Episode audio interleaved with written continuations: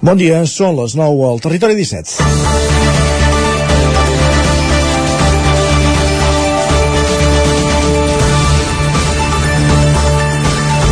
Informació de servei per començar el dia. Si sou al cotxe circulant per la C-17 en sentit Barcelona, a l'altura de Gurb i Vic, i esteu aturats, sapigueu que la via no està tallada. Se circula per un carril mentre s'acaben de completar les tasques de neteja derivades d'un accident amb dos ferits que hi ha hagut aquesta matinada. Ha estat un xoc en cadena provocat per la presència de tres porcs senglars a la via. Hi havia poca visibilitat a causa de la boira, un primer cotxe els han vestit i quatre vehicles més s'hi han vist implicats. En total, com dèiem, dues persones ferides traslladades a l'Hospital Universitari de Vic. La sobrepoblació de senglars, els boscos i la boira han contribuït avui a un accident, per sort, sense conseqüències greus. És dimarts, 29 de novembre de 2022, comença el Territori 17 a la sintonia de la veu de Sant Joan, una codinenca, Ràdio Cardeu, Ràdio Vic, el 9 FM, i ja sabeu que ens podeu veure també a través del 9 TV, Twitch i YouTube. Territori 17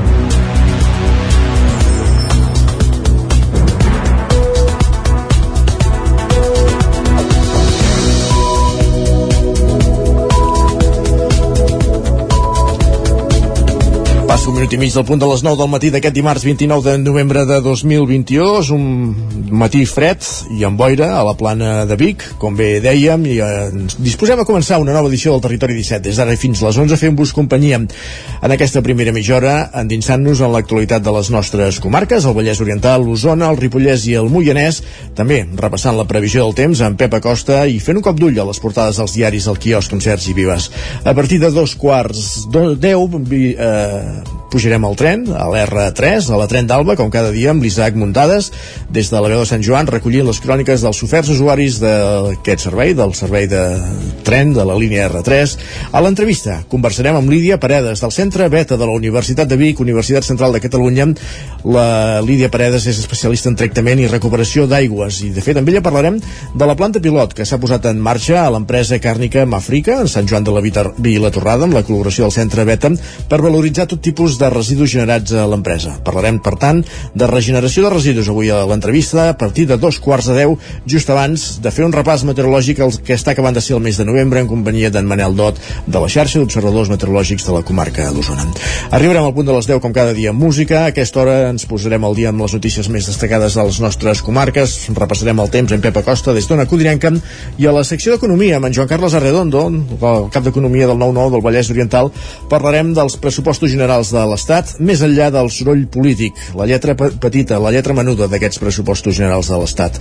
Amb ella arribarem fins a dos quarts d'onze, aquí ens acompanyarà en Guillem Sánchez amb les piolades, amb el més destacat que ha trobat a Twitter, i acabarem el programa avui el Territori Dona amb la Maria López, la Clàudia Dinarès i la Caral Campàs. Aquest és el menú del Territori 17 d'aquest dimarts 29 de novembre, sense més preàmbuls, comencem a rodar.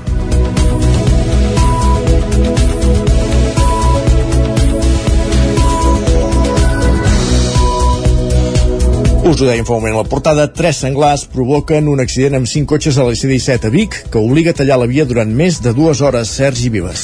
L'accident ha passat aquest matí pels vols de dos quarts de sis i dues persones han resultat ferides i traslladades a l'Hospital Universitari de Vic. La boira que hi ha aquest matí a la zona eh, reduïa la visibilitat i un primer vehicle impactat amb tres porcs senglars al quilòmetre 60 de la C-17 en terme de Vic i en sentit sud. Com a conseqüència d'aquesta topada s'ha produït un, esca, un encals amb quatre vehicles més implicats hores d'ara hi ha un carril obert en sentit sud i tot plegat provoca més de 2 quilòmetres de retencions a la C-17 a Vic en sentit Granollers. 10 dotacions de Mossos d'Esquadra, dues ambulàncies del sistema d'emergències mèdiques i dos vehicles dels bombers que han fet tasques de neteja de la calçada han treballat en aquest sinistre. Eh, més qüestions. Aquest matí de dimecres anem cap al Ripollès anem cap al Vallès Oriental volem dir, perdó, perquè la policia local de Sant Feliu de Codines fa 3 anys que treballa per tal de lluitar contra les ocupacions il·legals d'immobles i ja n'han aturat una trentena. Caral Campàs, ona codinenca de fet, des de fa 3 anys el cos està lluitant per tal que no es produeixin noves ocupacions i actualment els esforços estan centrats en intentar fer fora de les propietats ocupades a les persones que tenen comportaments incívics i causen molèsties als veïns. Molts d'ells ja estan identificats per la policia per cometre activitats delictives. Carmelo Garrido és el cap de la policia local de Sant Feliu i fa balanç de la feina feta fins ara. Hem aturat eh, ben bé en 3 anys unes 30 ocupacions aproximadament. S'han aturat a nivell de, de, de no deixar que ocupin a nivell flagrant. No? A, amb, a, depèn de quina zona ha sigut més a, gràcies a, a, als veïns que estan alerta i més pendents de que si escolten cops o veuen moviments així més que no són sovint, que són més, més raros, eh, doncs eh, ens, han, ens han avisat i ja hem anat bastant ràpid i hem aconseguit, bueno, ja estarien a dins però els hem pogut fer fora. Garrido explica també que l'estratègia que estan duent a terme segueix les directrius del Partit Judicial de Granollers del qual forma part Sant Feliu. Consisteix en combatre les ocupacions anomenades flagrants, que són les que la policia intercepta en un marge de 24 o 48 hores des de l'ocupació de l'immoble en les quals s'hagi actuat amb força o violència. Al moment que han trencat una porta, una finestra, han saltat, etc., ja hi ha força, per tant, si en aquell moment els enxampes, diguem, eh, ens truquen un veí, mira, que he vist llums aquesta nit i em sembla que hi ha algú i tu vas al matí, representa que és flagrant. Llavors tens les eines per dir que tenen que anar fora, que eh, les eines són que pots utilitzar la força. Llavors nosaltres aquí el que hem fet amb aquestes 30 i pico intents d'ocupació és utilitzar la força eh, primer verbal dient que han d'anar fora sí o sí i, i si no pues, hem tingut que venir més dotacions policials d'altres municipis, Mossos i fer una mica més de força visual perquè la gent que va ocupar vegi que, que realment va en sèrio el tema d'anar fora. Des del cos municipal realitzen controls diaris als pisos i cases susceptibles de ser ocupats o que ja ho han estat anteriorment per tal d'assegurar que no siguin ocupats de nou ni que les màfies hi facin negocis. Gràcies, Caral. Més qüestions. El Servei de Donació de Costos a la Ciència de la Facultat de Medicina de la Universitat de Vic ha gestionat 520 altes des de la seva creació l'any 2018. De les defuncions que s'han produït entre aquest mig miler de donants, al servei n'hi han entrat hi han entrat ja 70 difunts, Sergi. Des de la seva posada en marxa de l'any 2018, més de 500 persones han fet els tràmits per donar el cos a la ciència a la Facultat de Medicina de la Universitat de Vic. Per fer-ho, la persona que es vol fer donant ha de ser major de 18 anys, està en ple ús de les seves facultats mentals i ha d'acudir-hi amb un testimoni. Un cop signada la documentació, se li fa entrega del carnet de donant. De les persones que han fet els tràmits a la UBIC, la franja d'edat amb més prevalença és de 60 als 80 anys, tot i que també hi ha qui decideix fer-se donant en edats més joves, per sota dels 30 anys. El ritme de processos de donació va caure els anys 2020 i 2021 amb la pandèmia, però aquest 2022 s'està recuperant. Laia Nogués, la responsable del Laboratori d'Autonomia de la Facultat de Medicina. I feu una valoració molt positiva i de fet no només ha sigut gent de la Catalunya central sinó que també ha sigut eh, persones que de Barcelona, Badalona i Rodalies. Fins ara al servei hi han entrat 70 cossos sense vida de persones que havien fet el procés de donació i que han mort.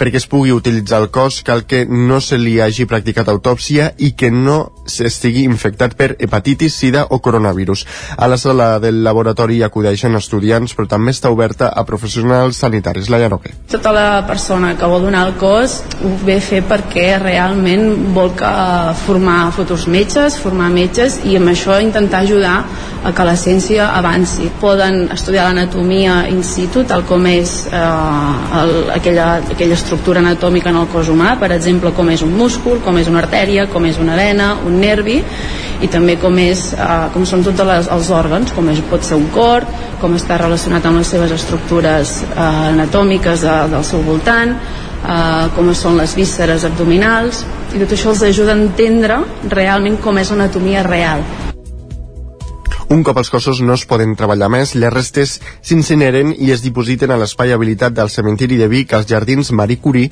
també pensat com un espai de record i de dol en el moment de la mort per a persones properes als donants. Més qüestions. Més de 400 voluntaris han estat aquest cap de setmana als 25 punts de recollida del gran recapte d'aliments a Osona. Un format de recollida diferent als d'abans de la pandèmia que ha combinat donatius d'aliments i aportacions econòmiques. En total, malgrat l'augment de preus, s'han recollit físicament uns 25.000 quilos de productes de primera necessitat. Alumnes de l'Institut Jaume Callís de Vic esperaven a la porta del supermercat als clients per demanar-los la col·laboració al gran recapte dels aliments que aquest any recuperava la presencialitat. Els lliuraven una bossa on dipositar-los per a la sortida posar-los al que anomenen banyeres, unes grans caixes de cartró que per després transportar-los als bancs d'aliments. D'aquesta manera se'n podran beneficiar els més de 4.500 usuaris que hi ha a Osona. Així ho explicava Carme, Lama, Carme Lamas, coordinadora del Gran Recapte i voluntària de la Creu Roja.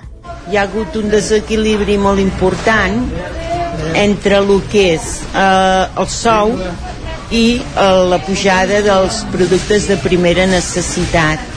Tenim bastanta gent en aquests moments, famílies, que sí que estan treballant, que són feines més baixes, més precàries, cobren menys. Llavors, amb la pujada de preus que, que hi ha hagut, o sigui, és gent treballadora però gent que no arriba.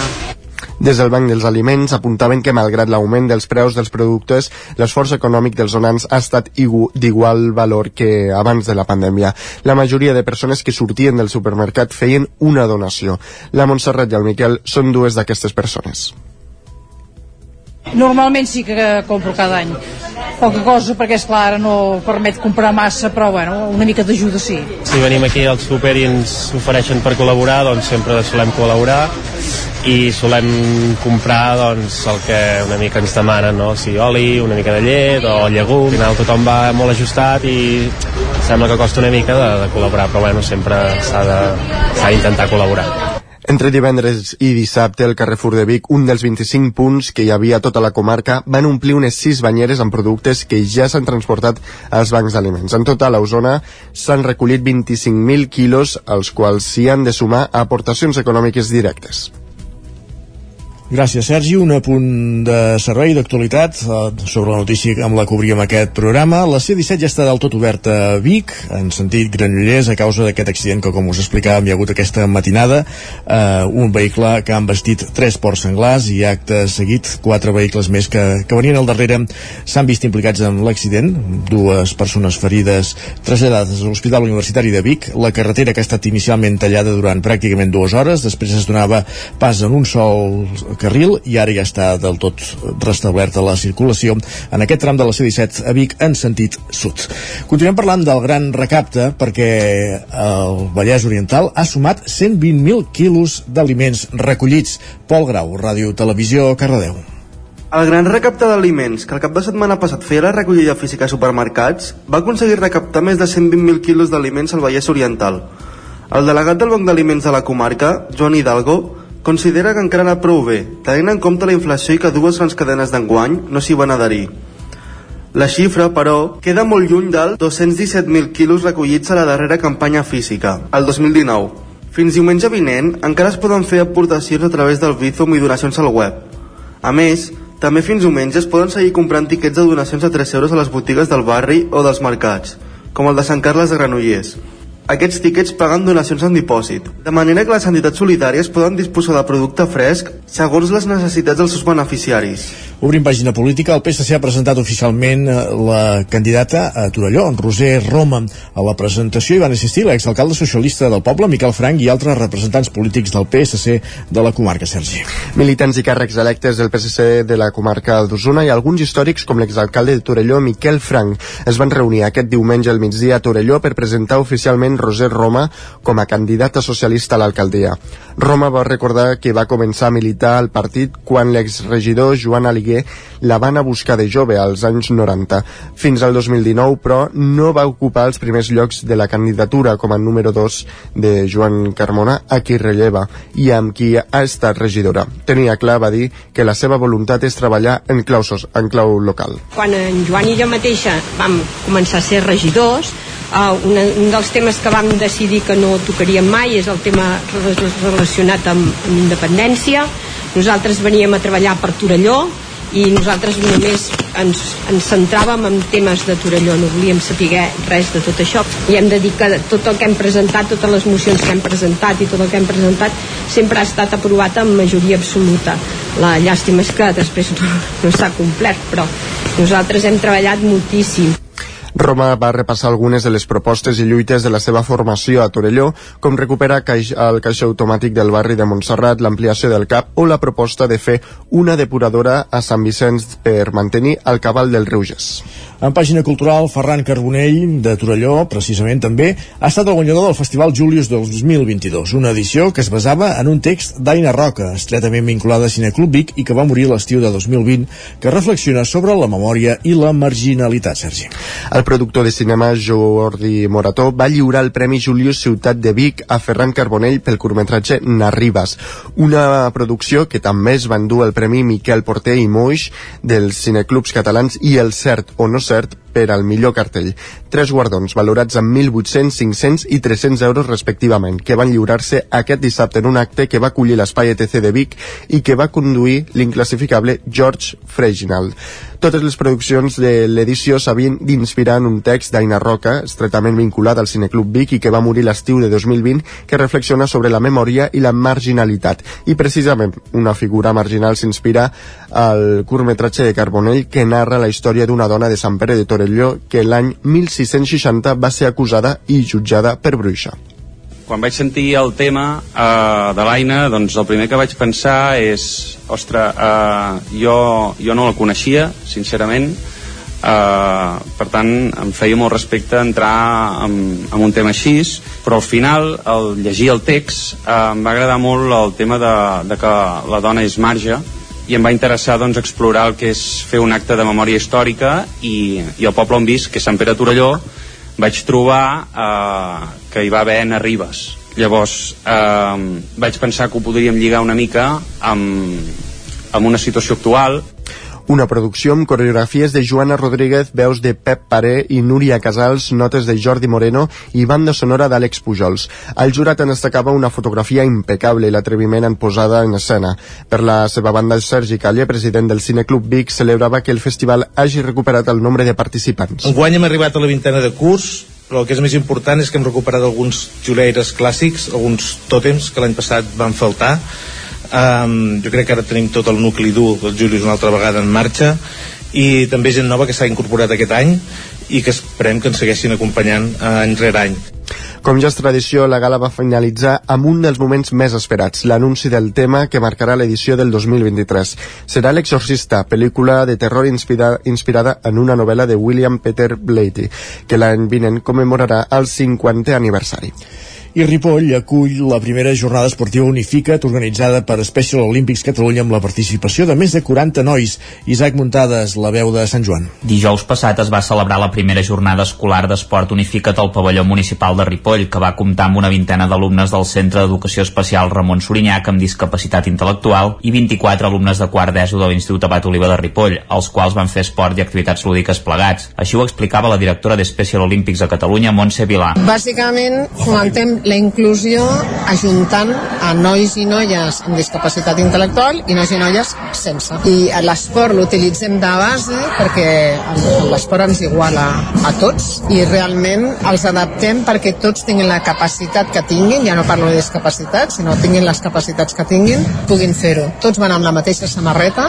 s'ha de distingir qui és d'un lloc i qui és de l'altre. Special Olympics Catalunya és que ha impulsat aquest projecte que durant el 2022 acabarà visitant 8 poblacions de tot el territori català i Ripoll en va ser la sisena parada. En aquestes jornades hi solen participar nois entre 16 i 20 anys per igualar les edats, però també hi havia 4 alumnes d'entre 8 i 14 anys del Ramon Sorinyac. L'objectiu d'Unificat és afavorir situacions inclusives i crear experiències esportives personals. Els joves van fer diversos esports com detallava la responsable de desenvolupament i projectes de l'organització, Júlia Estevez. La primera és una adaptació d'activitats del bàsquet, la segona són jocs cooperatius amb una corda, la tercera són relleus que combinen una mica els esports de l'atletisme i el futbol, la quarta tindríem una estació basada en formes jugades de l'handbol. I després una cinquena que és una estació d'hàbits saludables. Els alumnes de segon de batxillerat de l'institut que estudien l'optativa de bases de l'esport van encarregar-se de dinamitzar les activitats, com explicava la dinamitzadora Abril Pijuan organitzar que els nens no vagin perduts i sobretot fer molta cohesió de grup, ja que no es coneixen i al principi pot ser una mica incòmode, però jo crec que ho estem aconseguint bastant bé, ja que els nens s'estan integrant tots superbé i les activitats estan anant perfecte. Els nens participants s'ho van passar molt bé i tal com deia la mestra d'Educació Especial del Ramon Sorinyac, Vanessa Garriga, els hi servia per moure's i com una activitat terapèutica. La jornada va acabar amb una entrega de medalles als participants amb la presència del regidor d'Esport, Josep Isern, i de Laia Esquís i Bernat Vendrell, dos pilots de ball trial i trial del Centre de Tecnificació Esportiva de la Vallaneda. Gràcies, Isaac. Amb tu acabem aquest bloc informatiu que hem començat a les 9 en companyia de Sergi Vives i Isaac Muntades, com dèiem, que era el Campàs i Pol Grau. Moment al territori 17 de saludar també ara en Pep Acosta i saber la previsió del temps.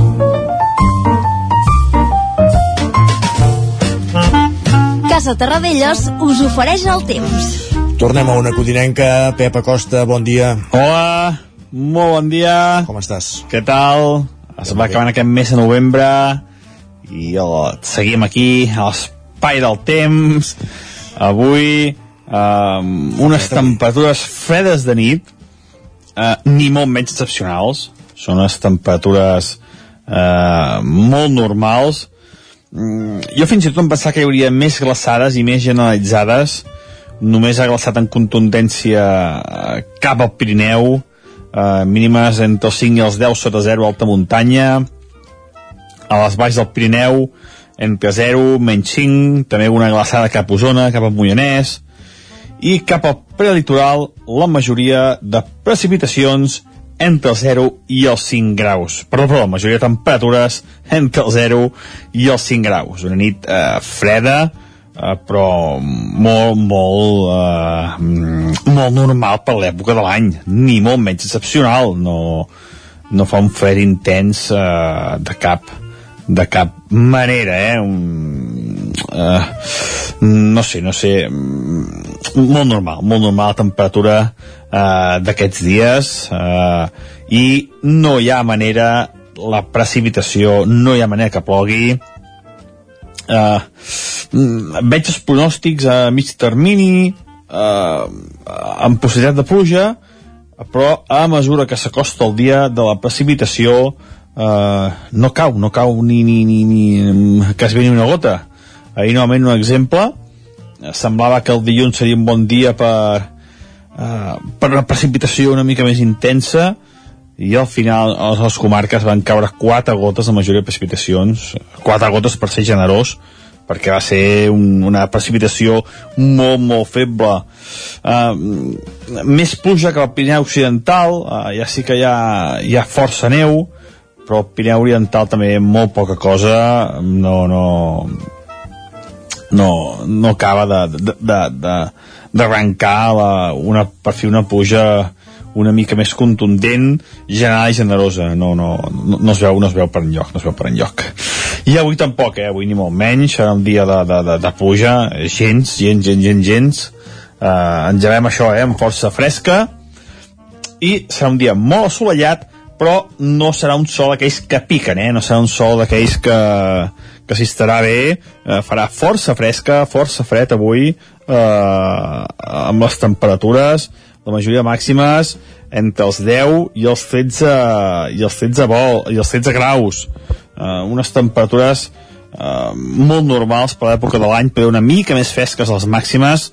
Um, però bueno, tampoc no, no es preu cap onada d'aire fred sinó uh, això, unes temperatures força, força normals per a l'època per a l'època de, de l'any.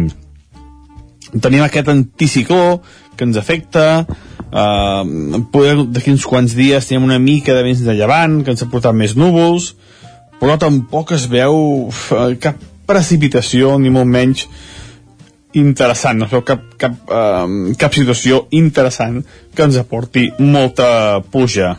Mm, tenim uh, ja fa dies aquests fronts atlàntics que, que ara sembla que es tallen no, no ens arriben tant.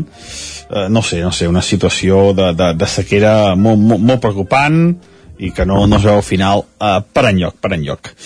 I això és tot, uh, el més destacat del dia d'avui, això, la, la, la, la temperatura màxima que serà uh, força baixa, farà força sol, només algun núvol cap al Pirineu, uh, molt poca cosa, uh, podria al matí quatre boles de neu, a la tarda des desapareixeran aquestes precipitacions, vents uh, febles, i això, unes temperatures eh, una mica més baixes de normal les màximes i les mínimes una mica de fred a la nit. Moltes gràcies, això és tot, que vagi bé, adeu. Gràcies a tu, parlem d'aquí una estona, Pep, fins ara. Casa Tarradellas us ha ofert aquest espai. I, de fet, del temps anem ràpidament cap al quiosc, que és moment de saber què diuen avui els diaris a les seves portades. Sergi, per on comencem? Doncs fem un repàs ràpid, comencem pel punt avui, que encapçala la portada dient que els metges diuen prou. Expliquen que els facultatius convoquen dos dies de vaga en defensa de la sanitat pública. El 25 i 26 de gener, eh? Sí. Wow. Alguns diaris diuen que encara no ho saben... Bueno, però aniria cap aquí la cosa. Sí. No és que aquest matí m'ha fet gràcia un comentari de bar, diu 25 i 26, clar. no, no, clar, de desembre no, de gener. Canvia molt la cosa. Um, el periòdico destaca que Feijó no sumaria amb Vox i Sánchez retalla distàncies. De fet, d'aquí veiem una gràfica en què el PP guanyaria els comicis però necessitaria almenys dos socis i el PSOE s'hi acostaria 5 punts i amb una fotografia d'aquestes protestes a la Xina diuen que la Covid inflama la Xina. La Vanguardia destaca que el xoc entre el PSOE i Podem frena la llei trans i la de famílies i també amb una fotografia de les protestes xineses expliquen que el seu govern intenta frenar-les. Uh -huh.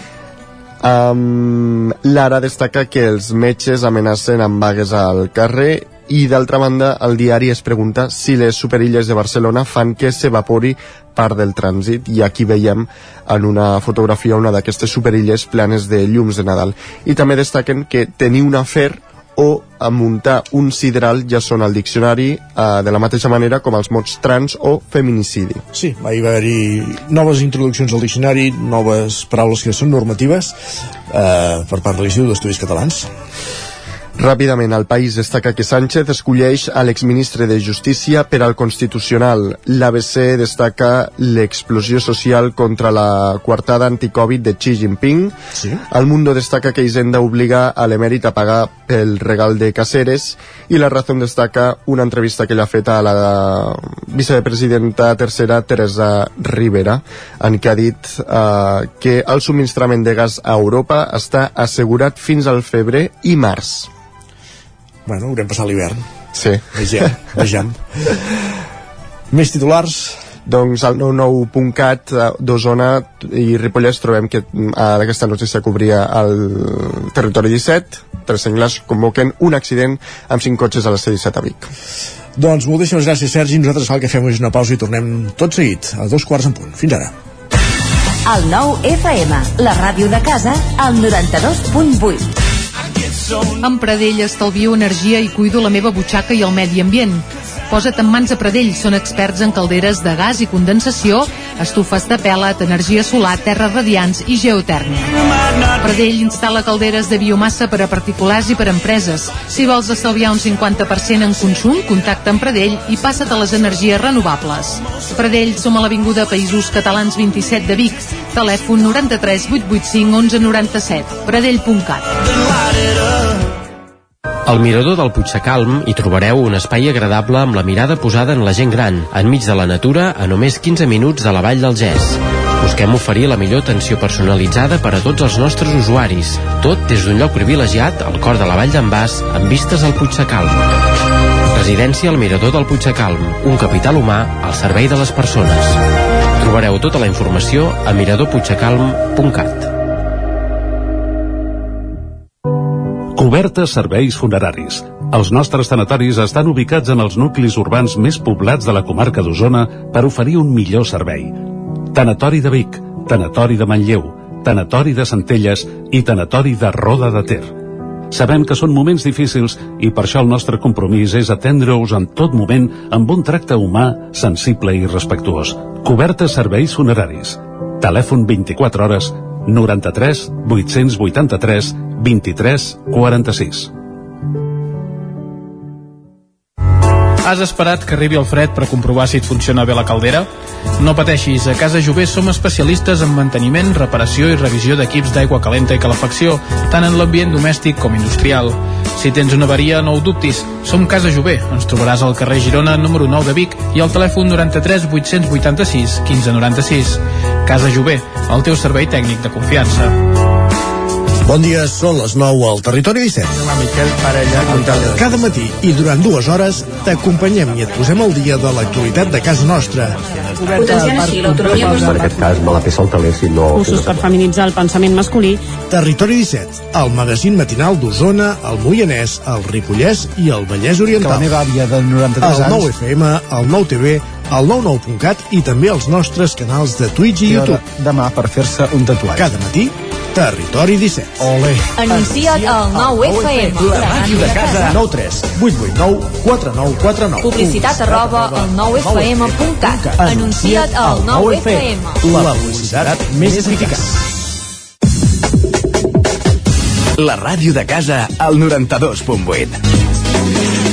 El 9 FM.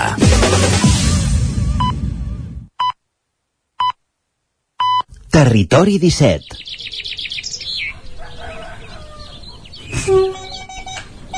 A Tren d'Alba. Cada dia els usuaris i usuàries de la línia R3 de Rodalies que veuen sortir el sol des d'un vagó ens expliquen les gràcies i les penes del primer comboi que uneix Ripoll i Barcelona o les feixugues jornades amb el tren després de treballar. Benvinguts a Tren d'Alba. Avui us detallarem algunes de les propostes que va fer l'oficina tècnica de l'R3 en la presentació que es va fer a Vic fa uns dies, com per exemple l'abans de l'estudi informatiu del tram La Garriga-Centelles al 2023. Es va detectar que el pla de Rodalies no incluïa aquest tram d'elevat cost econòmic, però de poca complexitat urbanística. Per tant, apostava per un túnel al Congost i per mantenir la via antiga per fer avançaments. El Ministeri de Transports i Agenda Urbana va incorporar aquesta demanda. Una altra de les propostes és que l'estació de Torelló sigui la referent de la Garrotja. Es reclama potenciar aquesta estació per captar més usuaris d'aquesta comarca. Es proposen dues opcions. A curt termini més factible, es proposa posar un bus llançador entre Olot i l'estació de Torelló. La segona opció ja és més ambiciosa i consistiria en la construcció d'una nova estació a prop de l'eix de Bracons, al sud de Torelló. Demà us n'explicaré més, però ara us deixo amb la crònica d'en Carles Bassaganya. Bon dia. Deu fer una setmana, no?, que llegia que és probable que en els avions la Comissió Europea i el Parlament Europeu acabi aprovant l'obligació que precisament tots els avions sigui possible en els seus trajectes tenir internet. No ha quedat clar si seria gratuït o no gratuït, però tenir internet. I d'alguna forma m'ha vingut al cap el que de vegades hem de patir precisament en els trajectes de tren, que és just el contrari. Sé eh, que en alguns llocs hi ha el que en diuen els vagons al silenci, però costa trobar, en el cas de Rodalies 3 i dels nostres trajectes, aquest silenci, i més en dies en els quals els trens van realment plens i plens. Per tant, bé, just al contrari del que sembla que pot ser un gran avenç, que és que quan fas un trajecte amb avió puguis connectar, consultar els whatsapps o fins i tot, eh, per què no parlar i fer trucades, el que seria molt i molt desitjable és que molts dels nostres passatgers, i en particular el de matí, siguessin bastant més silenciosos. Aquest seria el desig per al nostre trajecte del tren també. Adéu-siau, bon dia i bon tren. Crec que has llegit bé, Carles. El famós mode avió passarà a la història i d'aquesta manera es podrà estar connectat a internet en tot moment. També és veritat que si es poden fer trucades a dalt de l'avió, potser llavors hi haurà el típic passatger amb una veu portentosa que no callarà en una bona estona i no deixarà descansar la resta de viatgers. Ben vist això dels vagons del silenci. Se suposa que en l'època dura de la Covid-19 s'havia d'estar en silenci, però no sé si es complia. Va, ens retrobem demà amb més històries del tren i de l'R3. Gràcies, Isaac. Pràcticament 3 minuts que passen de dos quarts de 10. Anem cap a l'entrevista. Parlem de revalorització de residus i no només això, també de la recuperació de l'aigua. Territori 17, el 9 FM, la veu de Sant Joan, Ona Codinenca, Ràdio Cardedeu, Territori 17.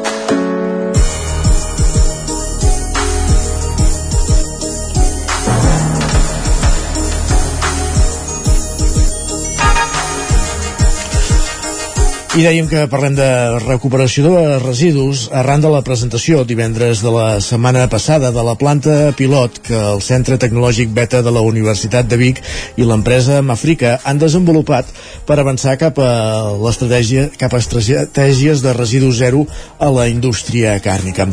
Aquesta empresa, Mafrica, és una empresa càrnia de Sant Joan de Vilatorrada i, com dèiem, s'hi ha posat en marxa aquesta planta de pilot amb la idea de tendir el residu zero, tot el que són residus de la indústria càrnica càrnia, tant siguin sòlids com líquids, a partir de diversos processos. Per parlar d'aquesta notícia i de la recuperació, per exemple, de, de l'aigua en la indústria, tenim, ens acompanya avui la Lídia Paredes del Centre Beta de la Universitat de Vic, que és especialista en tractament i recuperació d'aigües. Lídia Paredes, benvinguda, bon dia. Hola, buenos días. Com dèiem, eh, divendres es presentava aquesta planta pilot que s'ha posat en marxa en aquesta empresa de, del Bages. Quines característiques té? Amb quins sistemes treballa, diguéssim, no? per, per poder arribar a aquest objectiu de, del residu zero, de poder revaloritzar tots els residus de la indústria?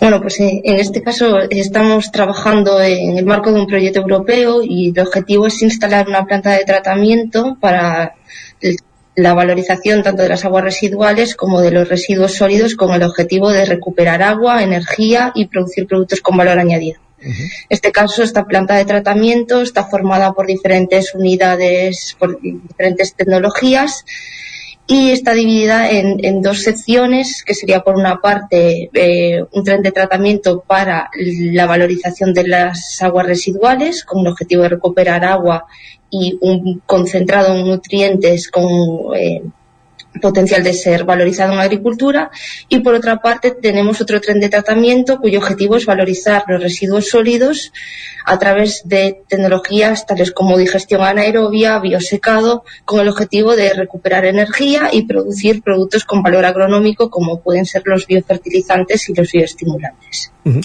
Aquesta aigua que s'obté, diguéssim, de, del tractament de, del residu líquid es pot tornar a, re, a reintroduir, entenem, a, a la mateixa empresa, diguéssim, per, per altres usos, no?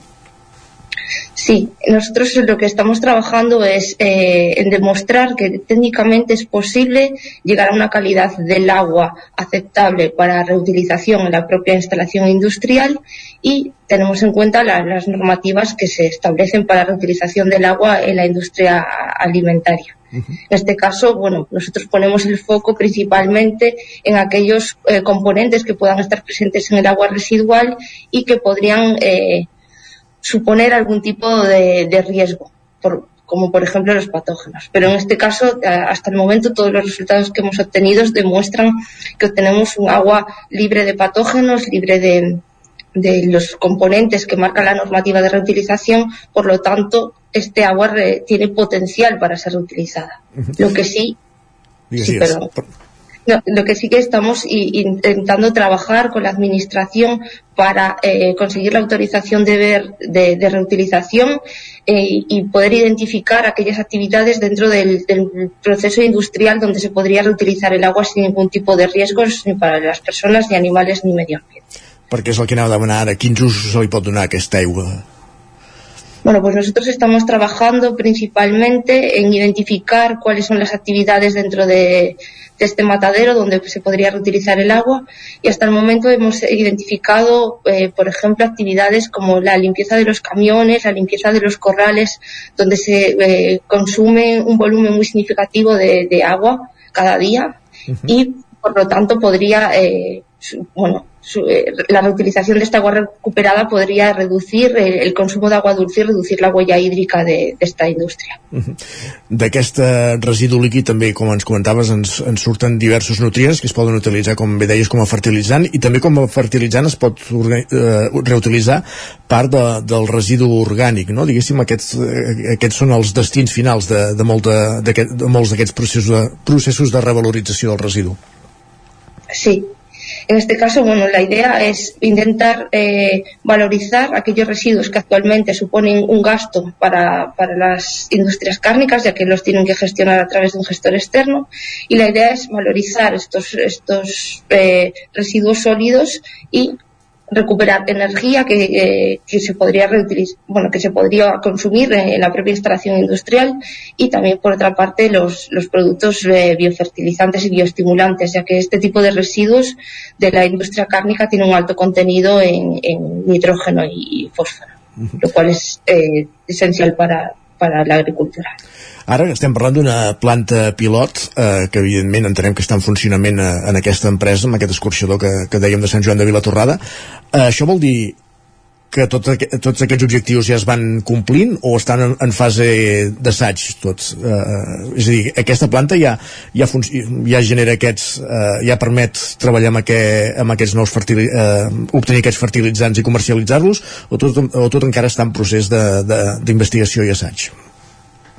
Bueno, de momento estamos en fase de investigación. Este es un, proyecto de cuatro años. Ahora mismo estamos justo terminando el, segundo año. Entonces, bueno, tenemos resultados de, operación de la planta desde enero de este mismo año, pero seguiremos operando cada una de las unidades, intentando optimizar eh, las condiciones operacionales y maximizar la recuperación de agua, energía y la producción de, de, de productos con valor añadido hasta eh, finales de, de 2024. Uh -huh. I amb quins objectius treballeu? Per exemple, ara quan parlàvem de, de generar energia entenem que a partir d'un biogàs que es, que es pugui generar en tot aquest procés, això permetria escalfar part de les instal·lacions de la planta o, o a què es destinaria aquest biogàs, per exemple? Sí, en principio al final el, ellos eh, actualmente tienen una caldera eh, que, que tiene, trabaja con, con gas natural Entonces, en este caso, la idea sería poder eh, valorizar eh, este biometano para, para producir eh, esa energía que ellos necesitan en, en la instalación industrial. Uh -huh.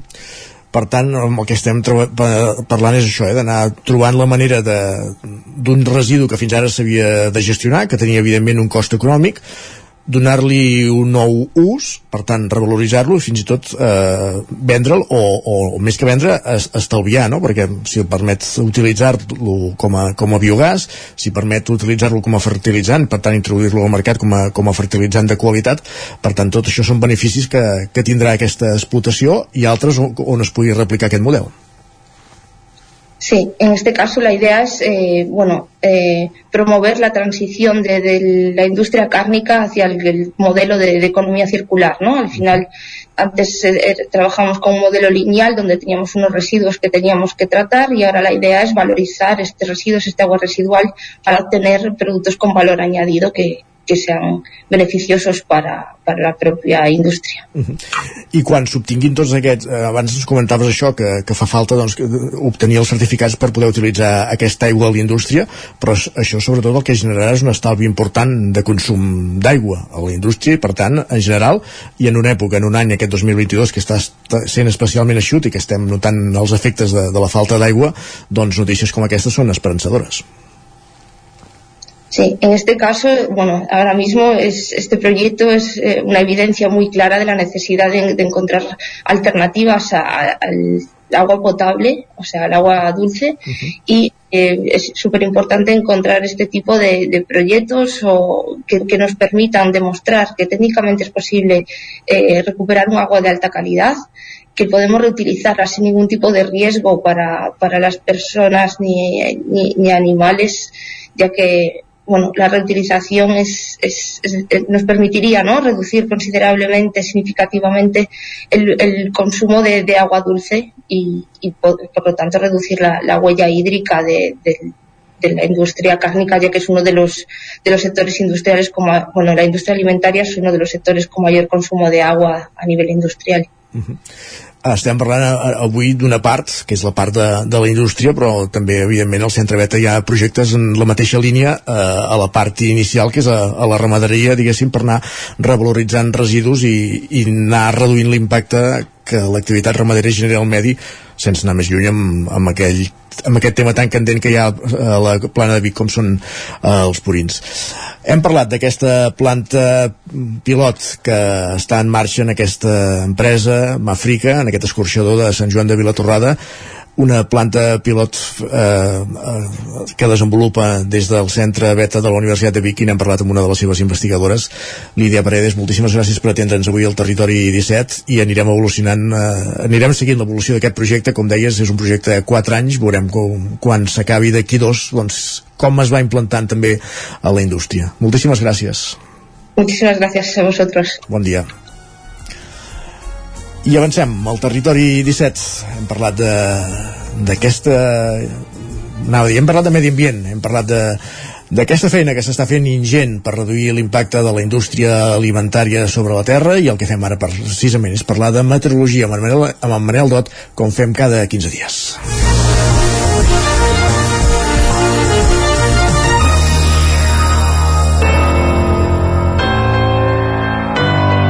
Territori, Territori 17. 17. Territori 17.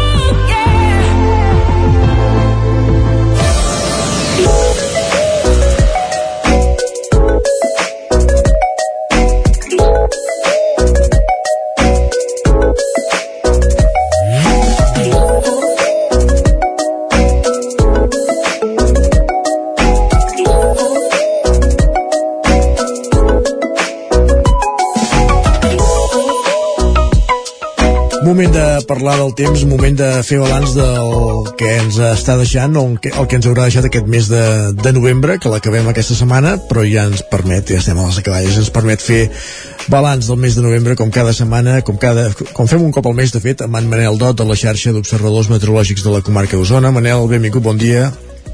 Hola, bon dia. I aquest mes de novembre que continua amb la tònica de l'any. Hem vist finalment sí. com baixaven les temperatures, però també li ha costat, eh? I de fet, a veure, eh, encara, com, com deies, encara que quedin dos dies, no crec que hi hagi... I per, per pluja no, no ho arreglarem pas, segur. No, no canviarà pas la cosa. Eh, no canviarà pas. Temperatures encara poder, perquè temperatures tenen tendència a baixar, però bueno, més, més que els que hem tingut. Eh, a veure, ha, ha estat un mes, tal com deies, bueno, molt calcat als altres mesos. L'únic que sí que almenys s'ha normalitzat una mica a partir de la, de la segona quinzena, i les temperatures han baixat eh, a l'alçada que toquen en aquest mes. Fem una, una repassada de, de temperatures primer de tot, doncs eh, destacar doncs, la primera, els primers 17 dies amb màximes doncs, eh, altes, màximes eh, de la més alta van tenir el dia 1 23,9 per exemple a Vic que es pot fer extensa arreu perquè pràcticament va ser tot arreu eh, i temperatures per sobre del que tocarien en, en aquesta primera quinzena la segona quinzena doncs ja més, més, uh, més, més a les que toquen. Amb mínimes ja més baixes. Uh, vam tenir algun dia uh, o sigui les primeres gelades i glaçades i destacar doncs, uh, doncs per exemple els, el, les més baixes doncs, bueno, 2,6 per exemple vam tenir 2,7 a Vic que eren uh, i, els, i les més baixes les vam trobar doncs, per exemple a Bujons com sempre amb menys 5 graus i el Bosc de Lluçanès també amb menys 5 graus eh, va ser doncs, eh, una entrada d'aire fred en alçada que ens va doncs, fer baixar les temperatures i normalitzar les temperatures que és el que tocarien bueno, a partir de la segona quinzena és el que ha tocat en, en aquest mes de, de novembre. Correcte com bé deies, el que no canviarà és el tema de, de la precipitació. Sí que ens va ploure divendres, en Pep, que ens fa cada dia la, la previsió del temps, parla de que arriben aquests fronts atlàntics de, de cinquena categoria que aquí no hi arriben ni les escorriaines, pràcticament. Vull dir que, que poca, poca aigua. Sí, d'aigua poca. Deixa'm acabar una cosa que no, ah, sí, no descuidava, de temperatures és que, tal com deia, seguim més o menys el, el mateix ritme que, el, que els altres mesos i, i el que és la mitjana mensual, tot i que falten els dos dies, eh, el d'avui i el de demà, però eh, tot i així la mitjana ens ha quedat doncs, eh, per sobre, 3 graus per sobre del que li tocaria. Per exemple, la mitjana al mes de novembre, eh, que estava mirant pluges ara, eh, la mitjana és de 8,2 al mes de novembre, eh, hem tingut 11,3, o sigui que per sobre clarament per sobre igual que els altres, els altres mesos pràcticament. Aquí no hem canviat gaire. Vull dir, ha estat igual. Uh, serà sens dubte passarà la història com un any càlid aquest 2022 això no, no en tenim cap dubte sí uh, sí, tot i que bueno, les, el cas de mitjanes n'hem tingut d'altres de, de més altes. de més, de, de, de més baixes de més baixes. Per exemple el, el, el 2008 la mitjana va ser més baixa. Però bueno eh, eh, per alta per alta o iguala o, per exemple el 2011 va ser, va ser també de 11,3 vull dir que llavors ja també el 2003 en 10,2 aquests serien potser els, els més altes. Però sí, perquè ha quedat pràcticament la segona. Mm -hmm. Déu-n'hi-do. I com dèiem això, poca pluja també. I la pluja, sí noi, això que deia doncs, és en Pep, doncs eh, tota la raó, eh, fronts atlàntics que quan passen per aquí descarreguen molt, han descarregat molt cap a la banda de, de Galícia eh, i quan arriben aquí doncs són fronts que ja estan desgastats. I a part de, de dos que es van reactivar una mica i va tornar a ploure tot el que és altre cop eh, el que és la, entre el Lluçanès i Vidranès eh, hi ha dos dies bons el 21 i el 25 bons entre cometes perquè van caure el punt que va fer més ençà que eren 13 o 14 litres. Eh, destacar per exemple eh, a Pruit, a Rupit Pruit amb 13,1 litres eh, Prats de Lluçanès, això del dia, 20, el dia 25 o sigui eh, que fins i tot es va reactivar una mica i vam tenir una bona entrada de tempestes eh, i acompanyats en Calamarsa la banda de Prats de Lluçanès el cantó de, Lluçanès, de, de Olòs també eh, i un, bueno, els fotògrafes van fer doncs eh, la, a l'agost no, però els, van, van tenir una entrada quan hi ha aquestes entrades d'aire fred i si la temperatura és una mica alta doncs el que fan és eh, es provo o sigui, que provoquen aquestes, aquestes tempestes doncs els cels eh, són espectaculars a, sí. uh, i és el que va passar doncs, aquest dia no? les fotografies que van sortir aquell dia doncs, van ser molt maques uh, destacar això aquests dos dies el 25 i el 21 que va ser el dia que va ploure més però sobretot uh, va agafar la banda altre cop uh, el el de, de Manlleu en amunt diríem no? sí, sí ja la, la resta, per exemple, si queien a Plaça de Lluçanès van caure 8 litres, però, per exemple, el que és eh, l'Esquirol 4,6, eh, Cantoni Gros 2 en 8, a Vic 2 en 4, i, i si tiren cap al sud, doncs, eh, eh, misèria i companyia, que és el que ha estat fent aquests dies. Mm -hmm. La... No, digues, digues. Sí, de, de pluges totals, el més destacat de, de que és eh, eh, aquest mes, mes de novembre, doncs, eh, si, si fem una repassada del punt que ha plogut més, eh, amb, amb poca aigua perquè és poca aigua que ha caigut però per exemple a Vidrà eh, portem tot el mes 35,4 litres Sant Vicenç de Torelló 27 en 8 estic passant els, els punts que hi ha més aigua sí, sí. Sant Pere de Torelló 26 en 2 26 a Sant Boi de Lluçanès i bueno, llavors si tirem, ja tirem avall doncs eh, eh, Can Lletenes per exemple amb 6,6 litres eh, a Gurb eh, 7 litres a Collsospina eh, també déu nhi aquella zona 7,6 litres, en fi, el mur dels Guilleries 7,6 litres, a Ceba també eh, que queden 8 litres, bueno, en fi, eh, poca, poca aigua el que és elevat de sud altre cop. Uh -huh. Uh, i precipitació en forma de neu al Pirineu també vam veure una enfarinada la setmana passada però poca cosa eh? Vull dir que sí, encara, no, encara no, i... no, no sé si obriran pistes d'esquí aquest pont de la Puríssima um, si ho fan serà poder pel fred que és el que ens vindrà aquesta setmana. I setmana que ve veurem, a veure, de moment home, va fer, eh, ahir també déu nhi va fer una bona enfarinada eh, però poca, poca neu poca neu ja també. Uh -huh. eh, poca neu i de moment el és les, les perspectives són podem una mica més bones eh, el que de cada la setmana que ve. A veure, ja, si ja fem una repassada el que pot passar eh, de moment el que és eh, avui, doncs, eh, avui, perdó, ahir vam tenir doncs aquesta, aquesta última tongada de, de, de pluges i el que és eh, avui, doncs, podries que passa a la tarda un, un ruixat encara, tindrem un, un dia força variable i temperatures, doncs, tendència a baixar. Les mínimes, doncs, per exemple, dimecres, dijous, divendres, doncs, les mínimes ja estaran sota zero eh, el Sala de Vic, per exemple, les mitjans poden estar 2 i 3 sota 0. O sigui, si mirem els fondalades poden arribar als 4 i 5. Uh -huh. O sigui, l'entrada, dimecres serà un dia doncs, de sol, eh, assolellat, eh, però amb temperatures baixes, tant màximes com mínimes. I si parlem de, del que és eh, aquests pròxims dies, doncs ens ve divendres, divendres dissabte, eh, hi ha una altra pertorbació que sembla una mica més activa, a més a més, aquí baixa la cota de neu, vull dir que el que és a muntanya, la cota de neu estarà cap als 1.000 metres, eh, i parlem del Pirineu per Pirineu, sí. i, o, i amb temperatures baixes, sobretot, com deia, i en precipitació el que és divendres i dissabte, aviam què passa. I pot arribar al Montseny l'enfarinada, també? Jo crec que sí, eh? Amb aquestes temperatures baixes pensa que les màximes eh, dissabte, dijous, per exemple, màximes de 11 graus. Estic parlant a l'alçada de, de la plana de Vic, eh, però el que és el divendres eh, estan cap als entre els 8 i 10 graus. O sigui que el que caigui eh, a partir de 1.000 metres pot ser neu. Per tant, la Fira de la Vent d'Espinelves quedarà amb tot el, envoltada de tot l'encant, eh?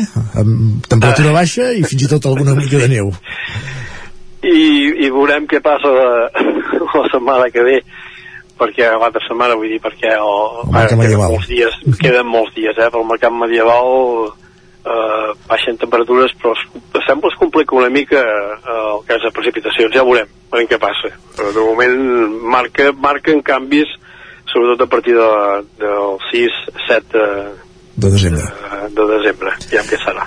Ja què serà, doncs això eh, avisem d'un possible mes de desembre mogut, eh, si més no a l'inici, veurem com evoluciona la cosa, perquè és veritat que aquest any hem anunciat molts possibles moviments i sempre a l'hora de la veritat han, han quedat en poca cosa, eh?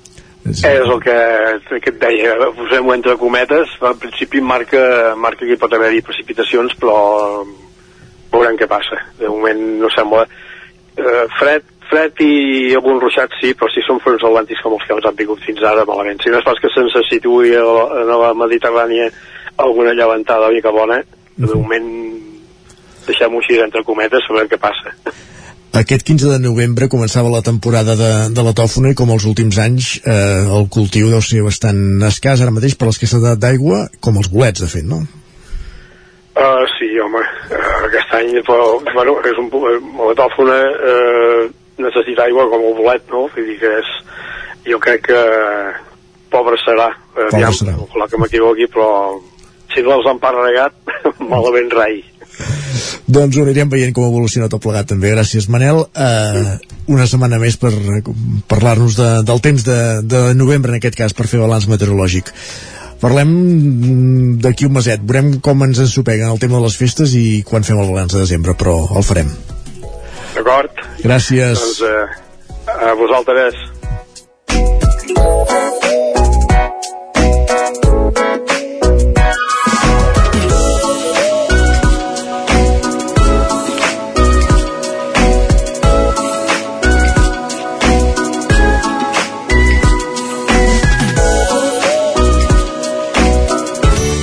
Territori 17. Envia'ns les teves notes de veu per WhatsApp al 646 079 023. 646 079 023. WhatsApp Territori 17.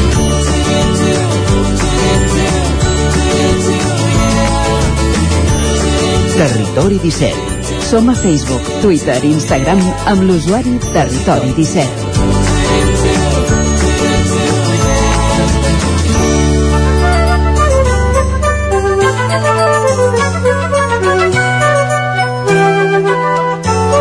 Doncs repassada l'evolució del temps del mes de novembre amb el Manel Dot, arribarem al punt de les 10 com procurem fer cada dia amb música i avui ho fem amb una estrena, amb l'estrena d'una cançó que porta per títol Electricitat i que és la unió de dos talents, el de Miqui Núñez i el d'Alfred Garcia, coneixen les seves veus i la seva energia per celebrar la vida a la seva nova cançó, Electricitat.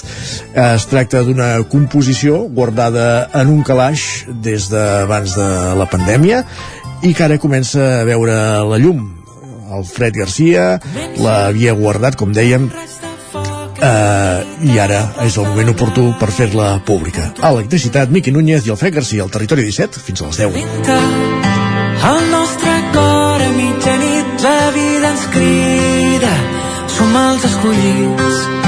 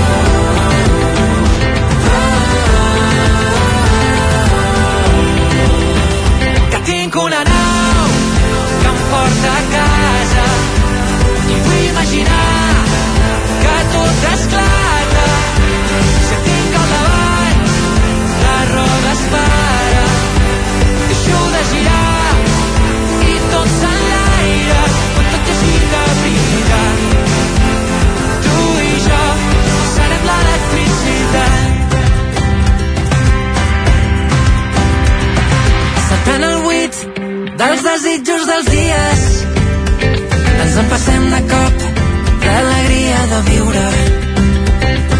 Somriu fervent la preciosa rialla que s'emporta el vent del present a la infància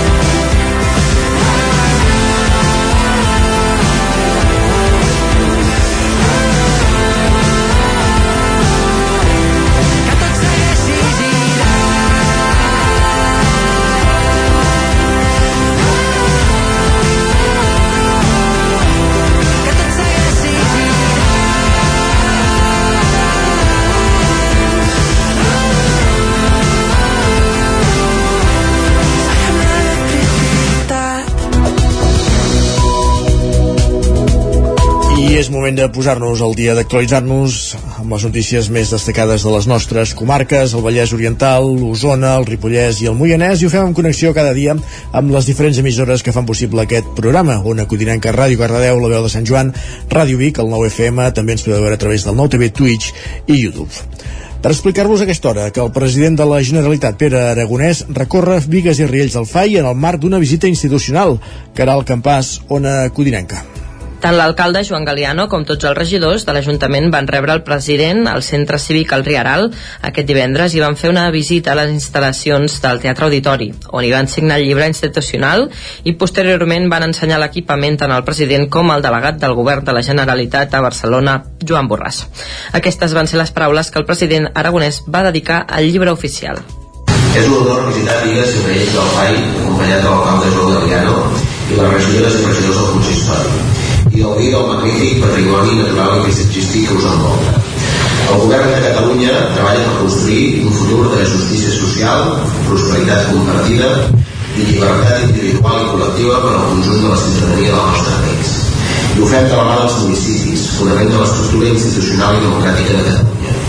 Desitjo que continuem treballant plegats al servei de la ciutadania, on trobareu sempre el compromís de la Generalitat de Catalunya i el meu personal com a president. Sempre endavant. La comitiva va aprofitar també per saludar a membres de diverses entitats de Vigues i Riells del FAI, com el grup de dones o la gent gran, i per acabar la visita van passar també per l'espai jove La Cova, on el president va poder saludar també els joves i se'ls va ensenyar totes les instal·lacions, ja que l'edifici que acull l'espai jove ha rebut diversos premis internacionals pel seu disseny i eficiència energètica.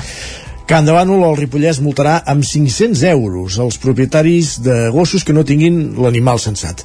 Isaac Muntades, la veu de Sant Joan. El darrer ple de l'Ajuntament de Can de Bànol va aprovar amb l'única abstenció d'Esquerra Republicana de Catalunya una modificació del reglament de tinença d'animals per tal que no tenir el gos sensat tingui una multa de 500 euros i no de 60 com fins ara. Amb aquest canvi, la penalització s'iguala al càstig per no recollir els excrements de gos de la via pública. L'alcaldessa de Junts, Dolors Costa, va dir que no tenir el gos sensat suposa un punt d'inseguretat per les persones si l'animal n'ataca alguna i una discriminació pels que sí que compleixen el reglament. L'alcaldessa va detallar amb quina problemàtica s'han trobat fins ara. Amb l'experiència de tots aquests anys des que vam començar a implementar la tècnica de l'ADN, que ens ha donat molt bons resultats, sí és veritat també que una de les casuístiques que hem vist és que fem moltes analítiques de, de fentes que no ens consten al nostre registre, pues que poder en un mes fem 25 analítiques d'un mateix gos, podem saber el model de gos, si és mascle, si és femella, si és eh, o sigui, el patró de gos el podem, el podem saber, però eh, no el tenim sensat. Clar, això fa que l'Ajuntament estigui perdent uns cèntims. Ara, si es detecta una persona amb l'animal no registrat, se li enviarà una carta d'avís a casa. Tindrà un mes de termini per fer-ho i si no ho fa se'l multarà. Tot i estar d'acord amb les mesures, Toni Riera d'Esquerra va dir que se sobrecarregaria de feina als tècnics municipals i no tenia clar que es poguessin fer efectives les sancions. Mariona Baraldés, de la CUP, va aprofitar per demanar que es multi els incívics que embruten el poble. Hi ha moltes mostres d'incivisme que queden impunes, com és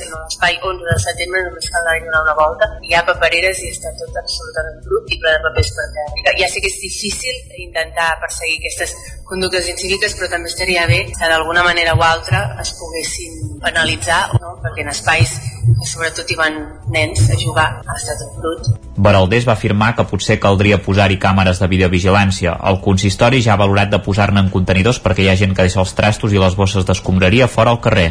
Gràcies, Isaac. A Centelles s'han obert un rober social. El nou servei ofereix roba de forma gratuïta a persones vulnerables i que ho necessitin, Sergi. Vives. Telles disposa des de la setmana passada d'un rober social. Es tracta d'un servei que ofereix de forma gratuïta roba, sabates, bosses a aquelles persones que ho necessitin mitjançant una entrevista de l'àrea de benestar social de l'Ajuntament.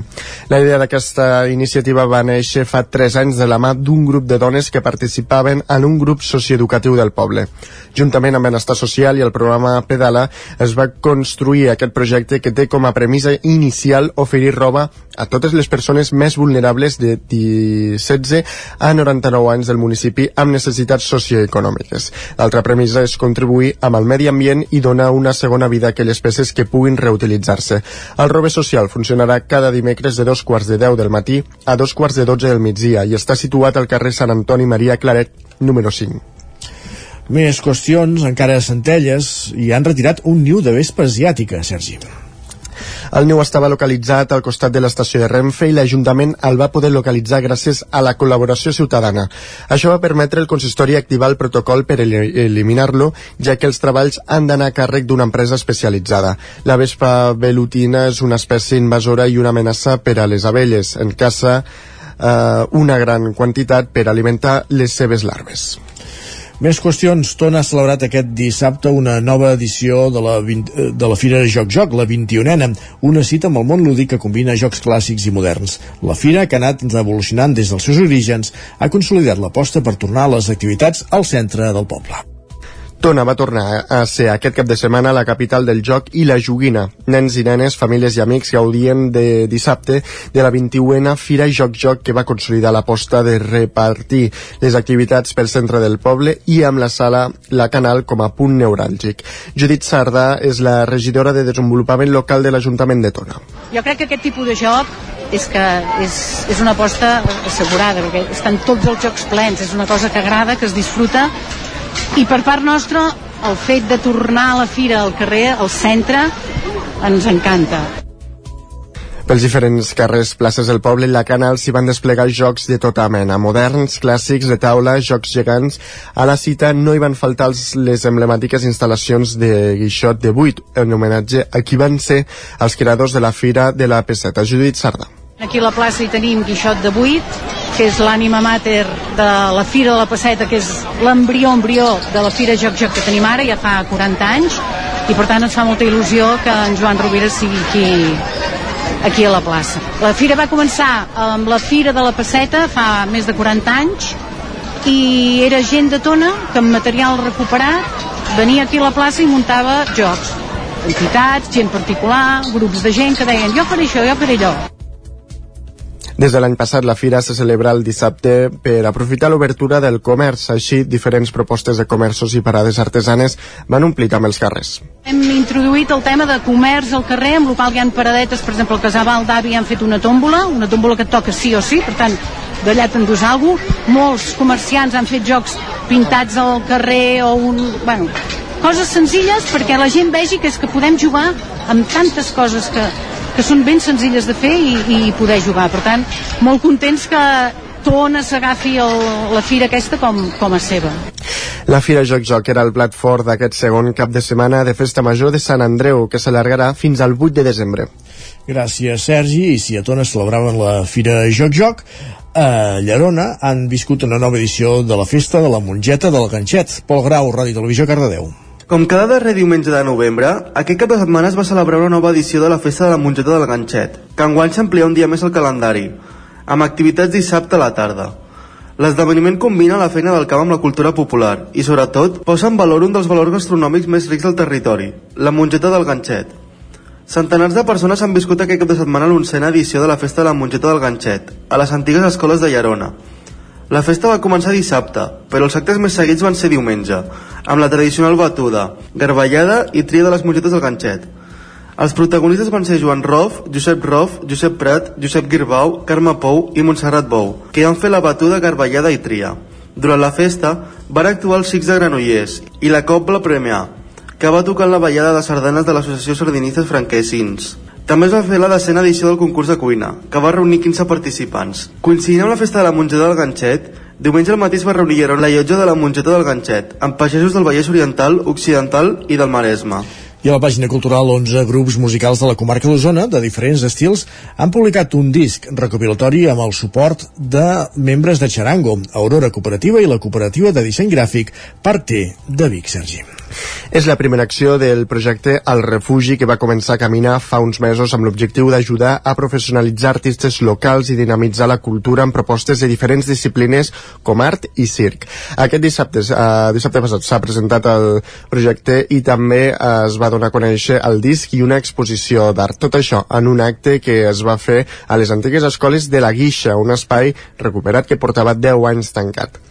085XX és el nom del disc que porta el codi postal de Vic i que també simbolitza la idea de quilòmetre zero. Està format per 11 cançons d'11 formacions diferents i d'estil molt diverses.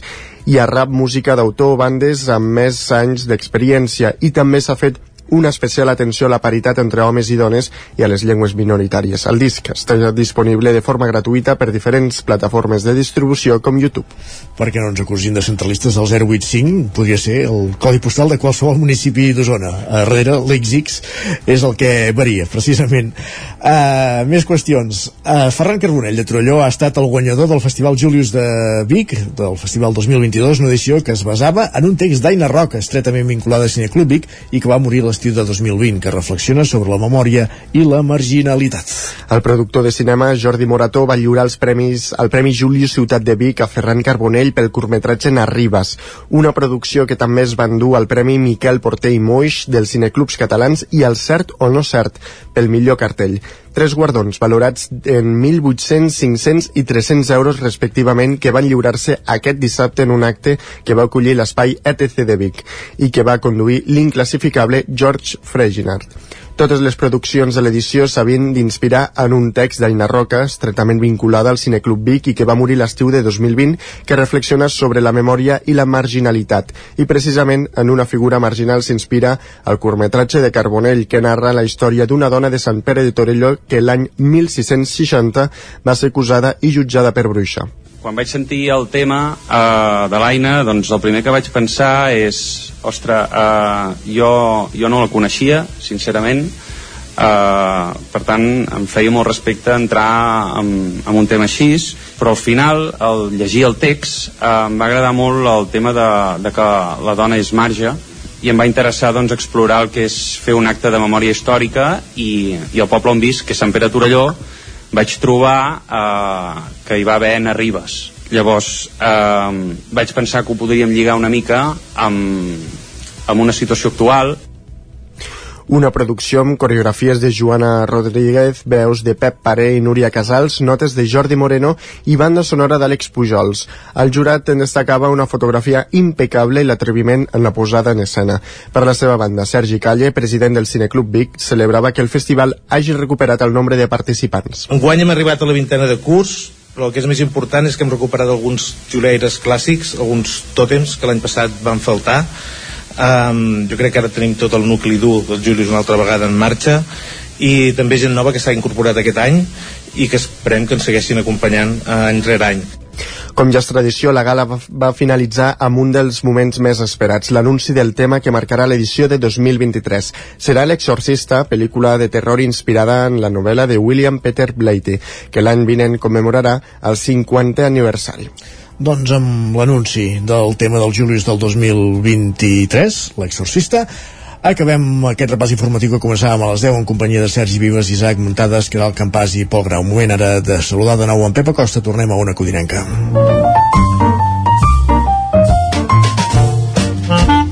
Casa Terradellos us ofereix el temps. I anem perquè volem saber quin temps farà avui, Pep. Bon dia de nou. Hola, molt bon dia. Què tal? Uh, engegem això, eh, amb força fresca i serà un dia molt assolellat però no serà un sol d'aquells que piquen, eh? no serà un sol d'aquells que, que s'hi estarà bé, eh, farà força fresca, força fred avui, eh, amb les temperatures, la majoria màximes, entre els 10 i els 13, i els 13, vol, i els 13 graus. Eh, unes temperatures eh, molt normals per l'època de l'any, però una mica més fresques les màximes, um, però bueno, tampoc no, no es preu cap onada d'aire fred sinó uh, això, unes temperatures força, força normals per a l'època per a l'època de, de l'any. Tenim aquest anticicló que ens afecta. Uh, d'aquí uns quants dies tenim una mica de vents de llevant que ens ha portat més núvols però tampoc es veu uh, cap precipitació ni molt menys interessant, no es veu cap, cap, uh, cap situació interessant que ens aporti molta pluja. Mm, tenim uh, ja fa dies aquests fronts atlàntics que, que ara sembla que es tallen, no, no ens arriben tant, uh, no sé, no sé, una situació de, de, de sequera molt, molt, molt preocupant, i que no, no es veu al final uh, per enlloc, per enlloc. I això és tot, uh, el més destacat el dia d'avui, això, la, la, la, la temperatura màxima que serà uh, força baixa, farà força sol, només algun núvol cap al Pirineu, uh, molt poca cosa, uh, podria al matí quatre volves de neu, a la tarda desapareixeran aquestes precipitacions, vents uh, febles, i això, unes temperatures eh, una mica més baixes normal les màximes i les mínimes una mica de fred a la nit. Moltes gràcies, això és tot, que vagi bé, adeu. Casa Tarradellas us ha ofert aquest espai. Territori 17. Envia'ns les teves notes de veu per WhatsApp al 646 079 023. 646 079 023. WhatsApp Territori 17.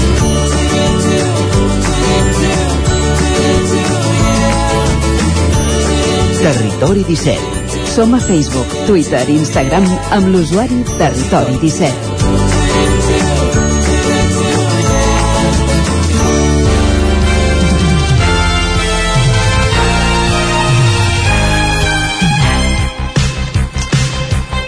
Un minut que passa d'un quart d'onze del matí al territori 17 és moment de parlar d'economia com fem cada setmana els dimarts amb en Joan Carles Arredondo, el cap d'Economia del 9-9 del Vallès Oriental, que avui vol fixar la mirada en els pressupostos generals de l'Estat que, que ja té encarrilats amb diversos suports al, al govern espanyol, al govern central de Pedro Sánchez. Joan Carles Arredondo, benvingut una setmana més. Bon dia. Què hem de mirar d'aquests Doncs sí, pressupostos? mm, Bé, el, el tema és que està clar eh, que, que el pressupost eh, diguem ha pres volada ara amb l'aprovació del Congrés de Diputats eh, això ja és sabut, el dijous passat uns suports bastant eh, importants i amb el titular de són els pressupostos més socials de la història sempre són els pressupostos més socials de la història es veu que aquí l'evolució la marca la capacitat de ser socials no? però sí que eh, en aquests debats sol passar que, que la política mm, passa per davant potser seria millor dir que passa per sobre de l'economia no? Uh -huh. um, hi ha hagut moltes distraccions sobre el focus de la qüestió eh? és evident que el focus de la qüestió és que els pressupostos són una eina necessària en un context en el qual les necessitats amples, amples, amples ja ho diré, eh? àmplies capes socials estan eh, diguem estan creixent mm, i són aquest, aquest creixement de, de, de les necessitats eh, provenen de la inflació desfermada tenim una bona notícia avui sembla que l'IPC interanual ha baixat al 6,8% Home, tocava. eh, de manera que sí, normalment tot el que puja baixa eh, tot, tot, tot depèn de la velocitat eh? puja molt ràpid i baixa lent però bueno, això en tot cas eh, diguem quedem-nos en el titular de, de, que l'indicador d'IPC avançat del que avui s'ha fet públic uh -huh. marca un 6,8% doncs dèiem això, eh, que eh, aquesta inflació està desfermada en àmbits tan sensibles com, com són eh, l'energia que sembla que ara s'està moderant i els aliments que no ho estan fent pas.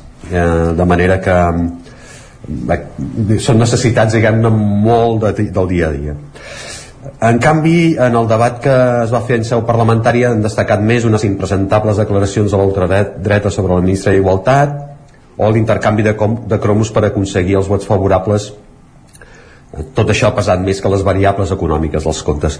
Intentarem centrar-nos una mica en aquestes qüestions, eh? Uh -huh. però mm, sol passar en aquests casos que la política amaga eh? el, el, el que és el debat el, el debat econòmic que, que contenen uns pressupostos.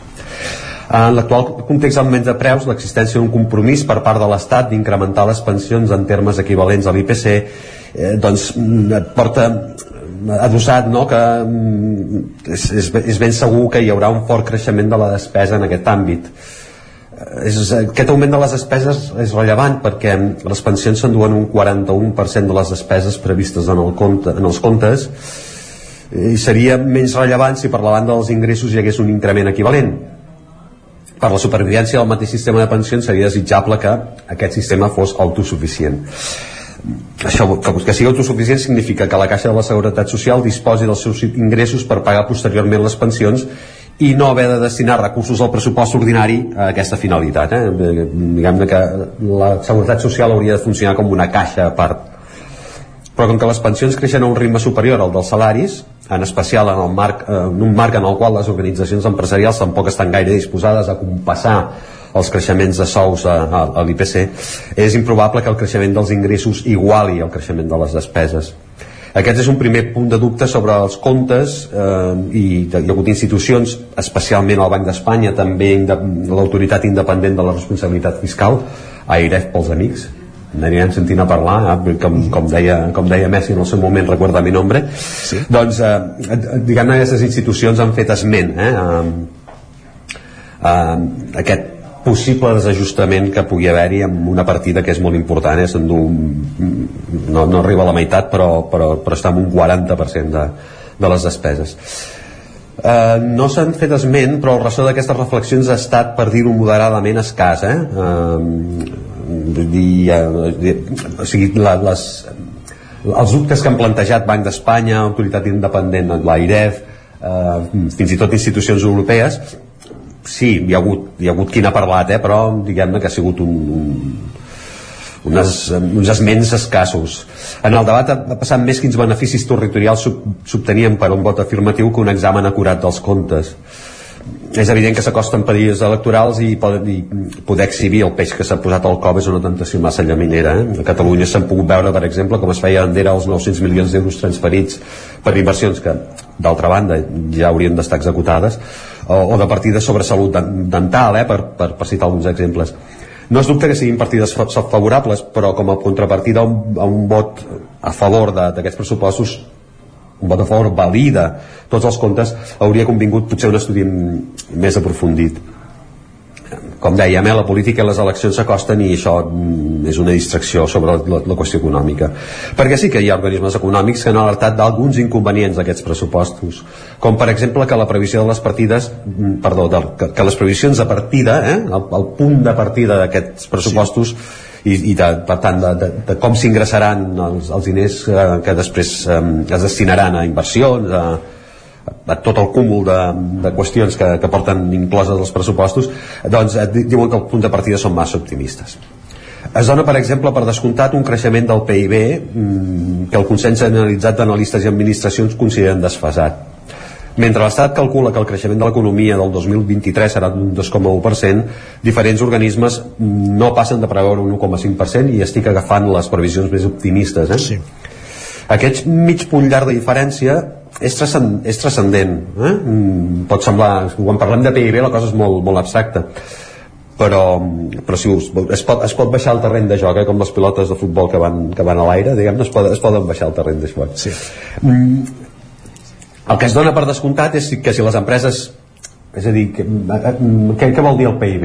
Tot el que s'ingressa, no? Sí. Per tant, estem parlant que que si la previsió és inferior vol dir que les empreses creixeran menys que el que apunta el pressupost i això significa menors ingressos, per exemple, per impost de societats o també que aquestes mateixes empreses estiguin menys disposades si, si, si, guanyen, si guanyen menys també estaran menys disposades a incrementar els salaris i per tant els pressupostos que els treballadors pagaran pels seus ingressos seran inferiors per tant la previsió del que l'Estat preveu que li entrarà mm, a la caixa eh, és massa optimista i si és massa optimista vol dir que no s'ingressarà el que es té previst i en canvi eh, sí que es gastarà el que es té pressupostat i per tant es donarà la circumstància que el dèficit anual eh, creixerà eh? el dèficit es compensa no? per compensar si, si tu ingresses menys que el que, que, el que gastes la manera de cobrir-ho és eh, acudint a endeutar-te no? has, de, has de cobrir aquests, aquests diners els has de cobrir i ho fas endeutant-te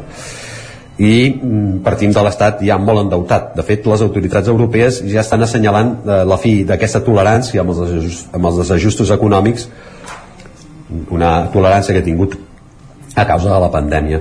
S'acosten, per tant, temps de disciplina, això ho hem dit algunes vegades, i per tant de menys alegries en les despeses i, i, i en l'endeutament. Quan la disciplina s'imposi, aquells estats que tinguin desajustos entre els ingressos i les despeses i estiguin molt endeutats, hauran de començar a pensar com posar-se a to i la recepta ja és coneguda o augmentes els ingressos o baixes les despeses i, i en gruixut o s'apugen els impostos o es fan retallades i aquest és, és el que es pot perfilar com el debat dels propers anys i aquest sí que és un debat de fons i no tant quin, quina partida m'enduc per, per, per, el, per la meva regió no, diguem-ne uh mhm. -huh. Perquè fa els pressupostos de 2023 hi ha alguns aspectes que convé que siguin subratllats més enllà eh, d'entars o inferns polítics. Convé subratllar que hi ha hagut alguns aspectes de la tempesta inflacionista que han estat favorables. Eh? Eh, això sí, parlant dels ingressos. L'Estat ha pogut ingressar més a costa de, per exemple, l'IVA que es paga pels productes de consum. Encara que la tempesta vagi de baixada, l'any que ve no és descartable que aquests ingressos derivats d'aquests impostos eh, es mantinguin en la banda ampla, en la banda alta, diguem-ne. Eh, a més, el pressupost eh, preveu noves vies d'impostos, les controvertides taxes a grans patrimonis a les companyies energètiques o a la banca, eh, de la qual vam parlar també en aquest espai. Sí. Eh, tot això segurament també sumarà a l'hora de portar ingressos però amb independència encara dubtós fins a quin punt les companyies energètiques i la banca acabaran traduint al client final aquests nous impostos és important remarcar-ne el caràcter temporal eh? els ingressos addicionals per a aquests tributs tindran dates de caducitat i en canvi algunes de les despeses que creixeran eh, tenen un caràcter permanent els impostos són una mm, tireta eh? per eh, aturar una hemorràgia eh? sí. de moment els, pres els pressupostos estan validats al Congrés i per les autoritats econòmiques però hi ha profundes incerteses sobre quina repercussió tindran eh, aquests comptes en un futur ho anirem seguint evidentment Com, compte, aquesta, com, compte aquest, aquesta tirita que s'ha posat a l'hemorràgia perquè Sí. jo crec que és un factor preocupant eh? hem posat aquests impostos, es queden tranquils sí. i sembla que no en canvi eh, les pensions que pugen ara quedaran per sempre més això està clar Doncs, Joan Carles, moltíssimes gràcies per tot aquest profund anàlisi sobre els pressupostos, més enllà del soroll polític, perquè val la pena doncs, fer-hi una mirada en aquests pressupostos més socials de la història, com tot el que fa aquest govern, que és el més progressista de la història, el més social de la història, el més tant de la història. Fins i tot el president ja s'ha atrevit a dir que ell passarà la història. per Exacte. Exacte, sí, sí, que això ja és, diguem-ne, un acte de megalomania bastant important. Doncs va, ens Gràcies a vosaltres, bon dia. Bon dia. Passarà a la història per haver desmoat eh, les restes de Franco, és el que va dir Pedro Sánchez, el president del govern espanyol. Nosaltres el que fem és una petita pausa per la publicitat, perquè la secció d'economia, aquesta sí que avui ja és història. Fins ara mateix. El nou FM, la ràdio de casa, al 92.8. Perill de glaçades? Per evitar problemes a les instal·lacions d'aigua en cas de glaçades, Aigües Vic recomana que es prenguin les mesures adients, protegint-les amb els materials adequats. Aigües Vic recomana la protecció amb Porexpan o amb altres materials aïllants, però sempre fàcils de posar i treure per facilitar la lectura del comptador. Per a més informació truqueu al 93 885 2500 o entreu a aigüesvic.com. Arriba el Nadal i a l'Hiperbasar Liu ho trobaràs tot i a preus de fàbrica. Vine a conèixer la nova botiga Hiperbasar, la més gran de tot Vic. Ens trobaràs al carrer Torelló, 18 de Vic, al costat del Supeco, i al telèfon 672 62 15 33. Busques un espai ideal per fer trobades? A la Casa d'Espiritualitat Marc Castanyer dels Hostalets de Balanyà hi trobaràs espais ideals perquè les escoles hi facin sortides o per fer-hi retirs o recessos entre setmana. Hi podreu fer nit o bé llogar-ho per un dia lectiu. Disposem de 33 habitacions, cuina de proximitat, sala d'actes amb projector, grans jardins i altres espais. En definitiva, un espai idoni per a grups escolars. Casa d'Espiritualitat Marc Castanyer. Més informació al 646 11 31 40. Has esperat que arribi el fred per comprovar si et funciona bé la caldera? No pateixis, a Casa Jové som especialistes en manteniment, reparació i revisió d'equips d'aigua calenta i calefacció, tant en l'ambient domèstic com industrial. Si tens una avaria, no ho dubtis, som Casa Jové. Ens trobaràs al carrer Girona, número 9 de Vic, i al telèfon 93 886 1596. Casa Jové, el teu servei tècnic de confiança. Als teus fills els agrada la tecnologia? Apunta'ls a Codelern, l'extraescolar de programació i robòtica que els ajudarà a preparar-se per al futur i a ser creadors de tecnologia. Gràcies al mètode Codelern, cada alumne aprèn al seu ritme i pot començar quan vulgui. Us esperem a la Ronda Francesc Camprodon número 45 de Vic. Més informació a codelern.cat. Bon dia, són les 9 al Territori 17. Hola, Miquel Parella. Cada matí i durant dues hores t'acompanyem i et posem al dia de l'actualitat de casa nostra. Potenciant així l'autonomia en aquest cas me la peça el taler si no... Cursos per feminitzar el pensament masculí. Territori 17, el magazín matinal d'Osona, el Moianès, el Ripollès i el Vallès Oriental. Que la meva àvia de 93 el anys... 9FM, el 9TV, el 99.cat i també els nostres canals de Twitch i I YouTube. demà per fer-se un tatuatge. Cada matí, Territori 17. Ole. Anuncia't al 9FM. La ràdio de casa. 9 3 8 8 9 4 9 4 9 Publicitat arroba al 9FM.cat. Anuncia't al 9FM. La publicitat més eficaç. En punt, dos quarts d'onze.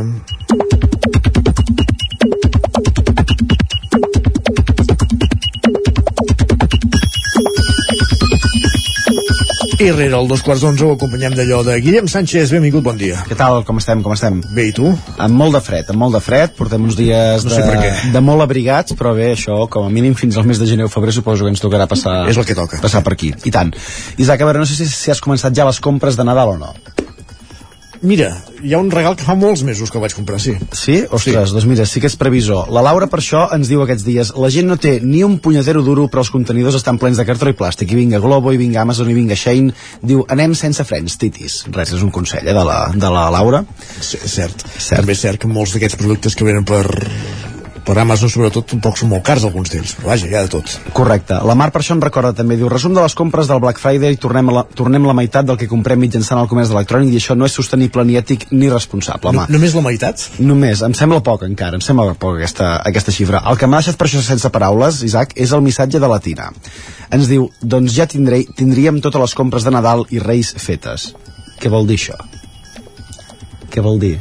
Estem al mes de novembre. Que ja ho té tot fet, home, aprofita el Black Friday. Però estem al mes de novembre. Què vol dir això? No pot pas ser. Demà passat desembre. Man, mare de Déu. Hi ha gent previsora llavors, hi ha gent que no té temps per a res, com per exemple aquesta usuària que ens escriu, fixa't, eh, entre dormir, dutxar-se i prendre cafè quasi no em queda temps per fer res més. Dormir, dutxar-se i prendre cafè, caram. No sé si són les millors aficions del món, però... Home, dormir és bona afició, boníssim. El cafè Però- en mesura també.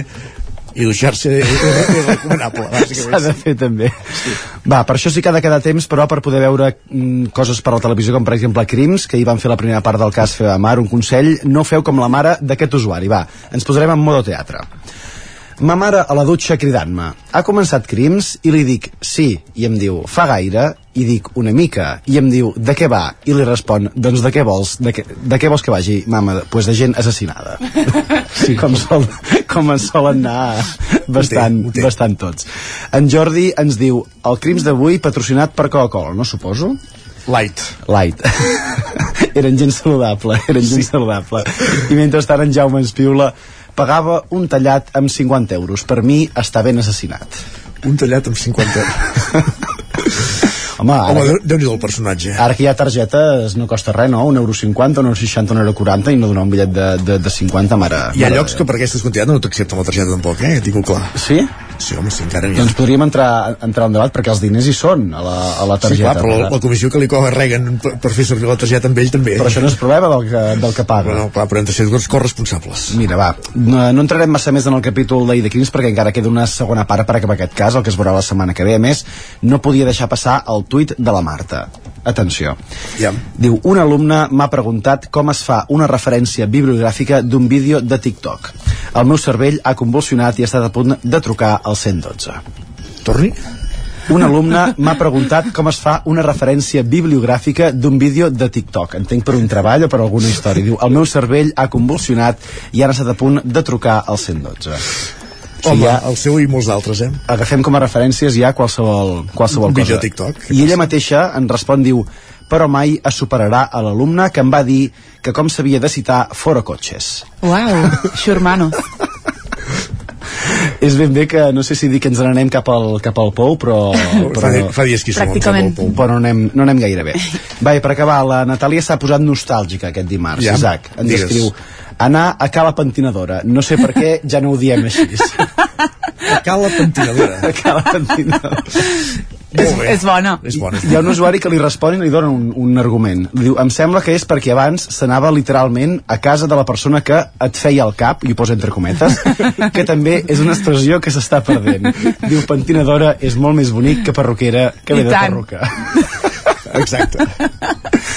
Sisplau, si aquesta setmana heu d'anar-vos a fer el cap, sisplau, digueu, vull anar a cada pentinadora i no una anar... empresa que et fa mollos de silicona per fer-te el cap, va. Doncs mira, per exemple. Va, parlem demà, Isaac. Que vagi bé. Guillem, ja sentiu també la Clàudia Narès, entrem de seguida cap al territori dona.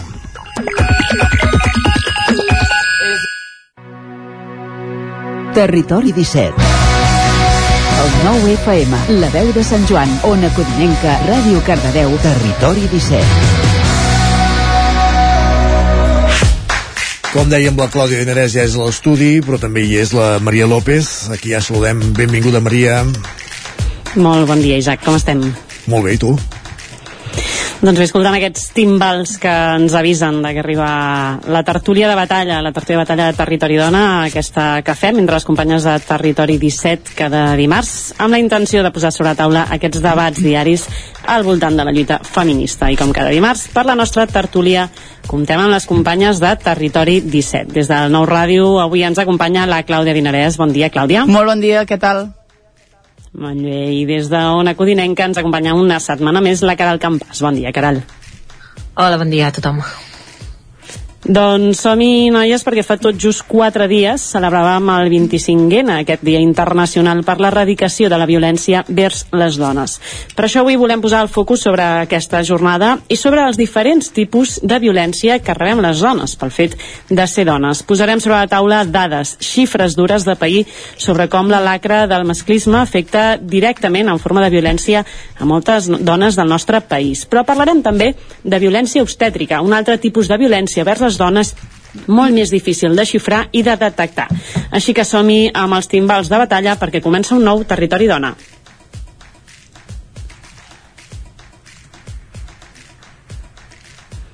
I si us sembla, Clàudia, que ara l'arrenquem precisament parlant d'aquesta violència, potser més invisible, difícil de xifrar, com és la violència obstètrica. Clàudia Dinarès, des del Nou Ràdio, tu n'has fet un bon anàlisi, oi? Exactament, n'hem fet un bon anàlisi eh, encara en el marc del 25N, com deies, el Dia Mundial de, per l'erradicació de la, les violències vers les dones, i avui eh, era un bon, molt bon dia per endinsar-nos en la violència obstètrica. Es tracta uh, uh, d'un tipus de violència masclista que cada vegada sentim a més converses, que cada vegada és més damunt la taula i que eh, sobretot també sentim cada vegada més als mitjans de comunicació. Però el que pregunto jo és si tenim clar eh, què és exactament això de la violència obstètrica. Si us sembla, qui ens ho explica és la Laia Casadevall, llevadora, escriptora i també activista de la comarca d'Osona. La violència obstètrica és l'apropiació dels processos reproductius de les dones per part dels professionals de la salut i aquesta apropiació pot ser des d'un maltracte, eh, per exemple, coaccions, infantilització sexualització, paternalisme, eh, no donar l'oportunitat a un consentiment informat adequat a les dones, és patologitzar els processos fisiològics eh, com ara és el part, um, o, o l'embaràs, el postpart, no? Um, I, bueno, una sèrie de pràctiques uh, violentes com pot ser maniobres de Christeller, que no estan recomanades, o abús d'intervencions um, que, que són innecessàries, no? Perquè sabem que les intervencions mèdiques poden estar justificades en segons quins casos, però en moltes ocasions en fem un abús, no? I en aquests casos és quan es consideraria violència obstètrica. Doncs així mateix eh, ho explicava la llevadora usonenca aquest divendres en una entrevista al programa I Bona Lletra del Nou TV. Per tant, d'entrada ens queda clar que aquesta violència obstètrica és la que exerceixen els els i les professionals de la salut en l'atenció al part durant uh, l'embaràs i també durant el postpart.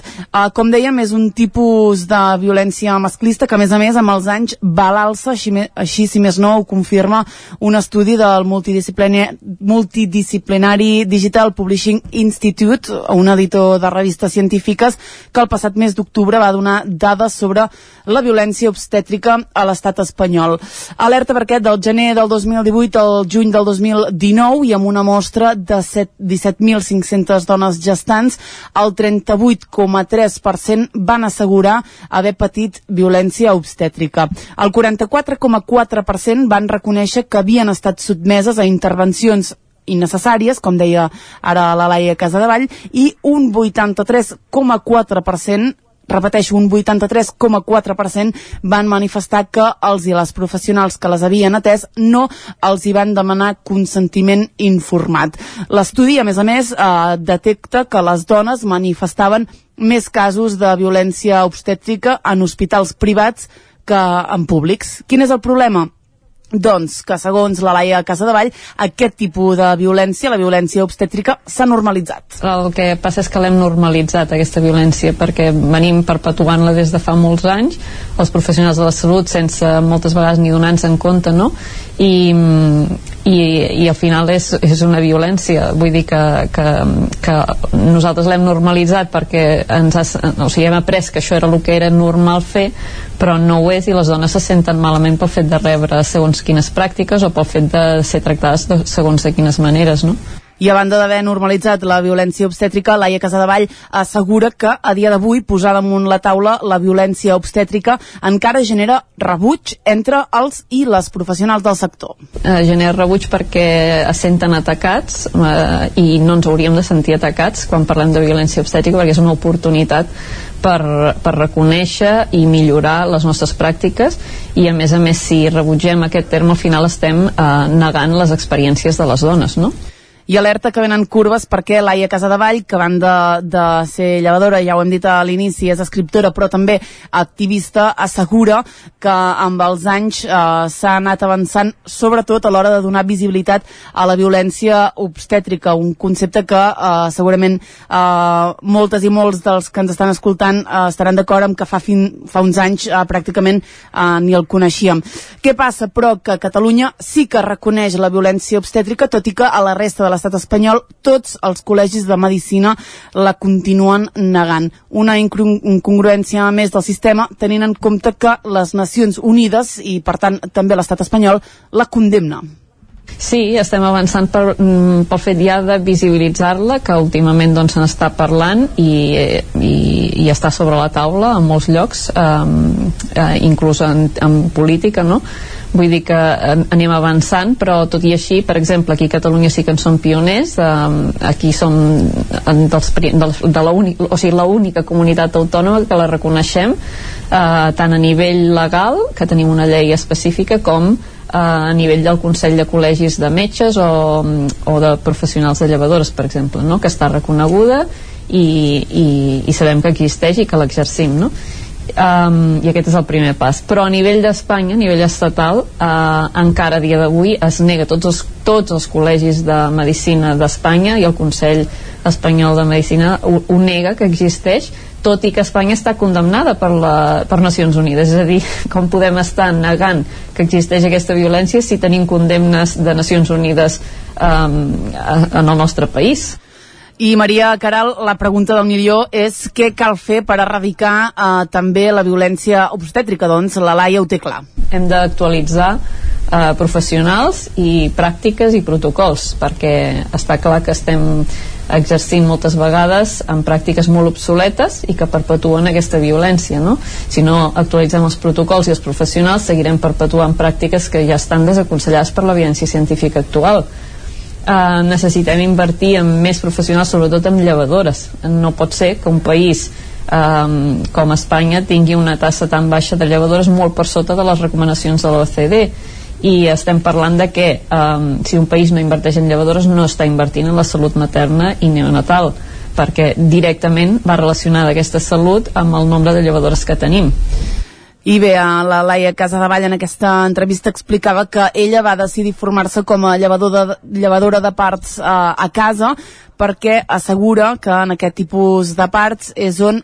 tant la feina de la llevadora com de la dona gestant eh, és més lliure. En aquesta entrevista explicava que ella eh, va marxar a estudiar al Regne Unit i que al cap d'uns anys va tornar a Catalunya per on, eh, per sorpresa seva, va trobar-se un escenari ben diferent del que havia interioritzat durant la seva etapa formativa. És en aquest moment quan decideix fer eh, activisme. Jo em vaig formar al Regne Unit on eh, precisament el, els drets de les dones són, estan, o sigui, són intocables, estan, el que diu la dona va a missa que, que diríem um, eh, vull dir que ningú qüestionaria mai les decisions de les dones i i en arribar aquí, eh, quan vaig tornar de, de, de Regne Unit, em vaig trobar doncs, que aquí les dones mm, és que no sabien ni que tenien drets. En el seu embaràs i en el part moltes vegades no sabien ni que tenien dret a escollir quines proves es volien realitzar ni, ni que podien escollir el lloc on donar llum ni els professionals que les acompanyessin.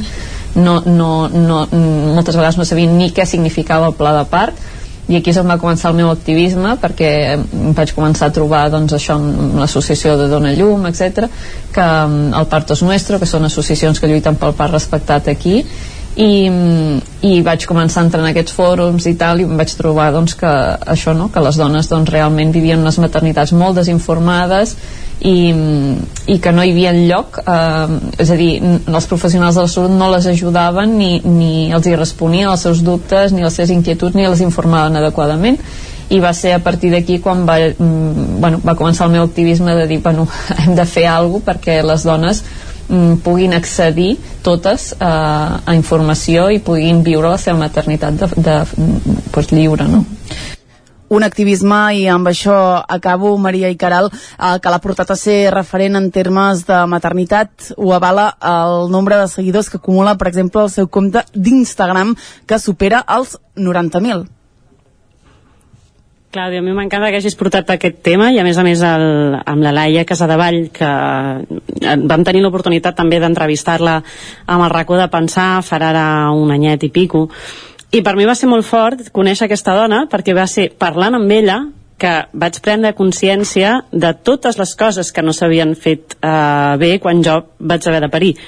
I, i és el que deies tu ara, no? I el que deia la Laia, està tan normalitzat la manera en què t'han de tractar en un hospital que... Mm -hmm. I a més partint del desconeixement, no? Que jo no sóc metge arribes allà i al final el que et diuen que és el més recomanable tu t'ho creus d'entrada, no? Què has de dir tu? És que al final, pues sí, uh mhm. -huh. que m'has de fer un tajo, pues fes un tajo, si és que què t'haig de dir jo ara? Sí, jo, no sé de, jo no sé de medicina, no? Quin és el problema? Que quan després algú des d'un altre punt de vista et fa veure totes les coses que han sigut d'una manera perquè te les han imposat així eh, te n'adones d'alguna manera, no? Com un petit. Parlaves abans d'un 80 i pico per cent de gent que, que reconeix haver patit uh, 83,4%.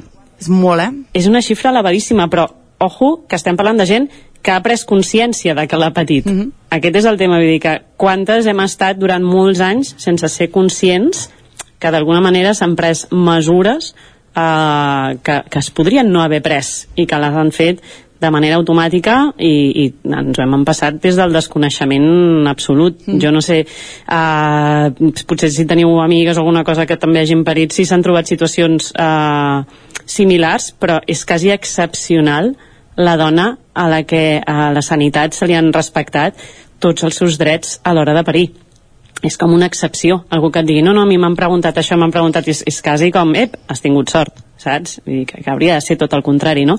I jo crec que aquí també arrosseguem una mica el, el, l'astre, per dir-ho d'alguna manera, que el, el govern espanyol, la sanitat pública que tenim, eh, és com que és una de les coses que més treu pit, no? I assenyalar-la directament i dir, doncs hi han coses que no es fan bé, costa molt, mm. costa molt i aquí sí que potser a Catalunya tenim un pas una mica més avançats amb això. Mm -hmm. Maria, que de fet eh, no ho he inclòs uh, en, aquest, uh, en aquesta secció que he fet perquè no parla concretament de violència obstètrica, però uh, dir que ara em va molt bé amb el que deies que la Laia Casadevall és una de les grans defensores de que el part a casa uh, estigui finançat per part del sistema um, públic, sanitari públic.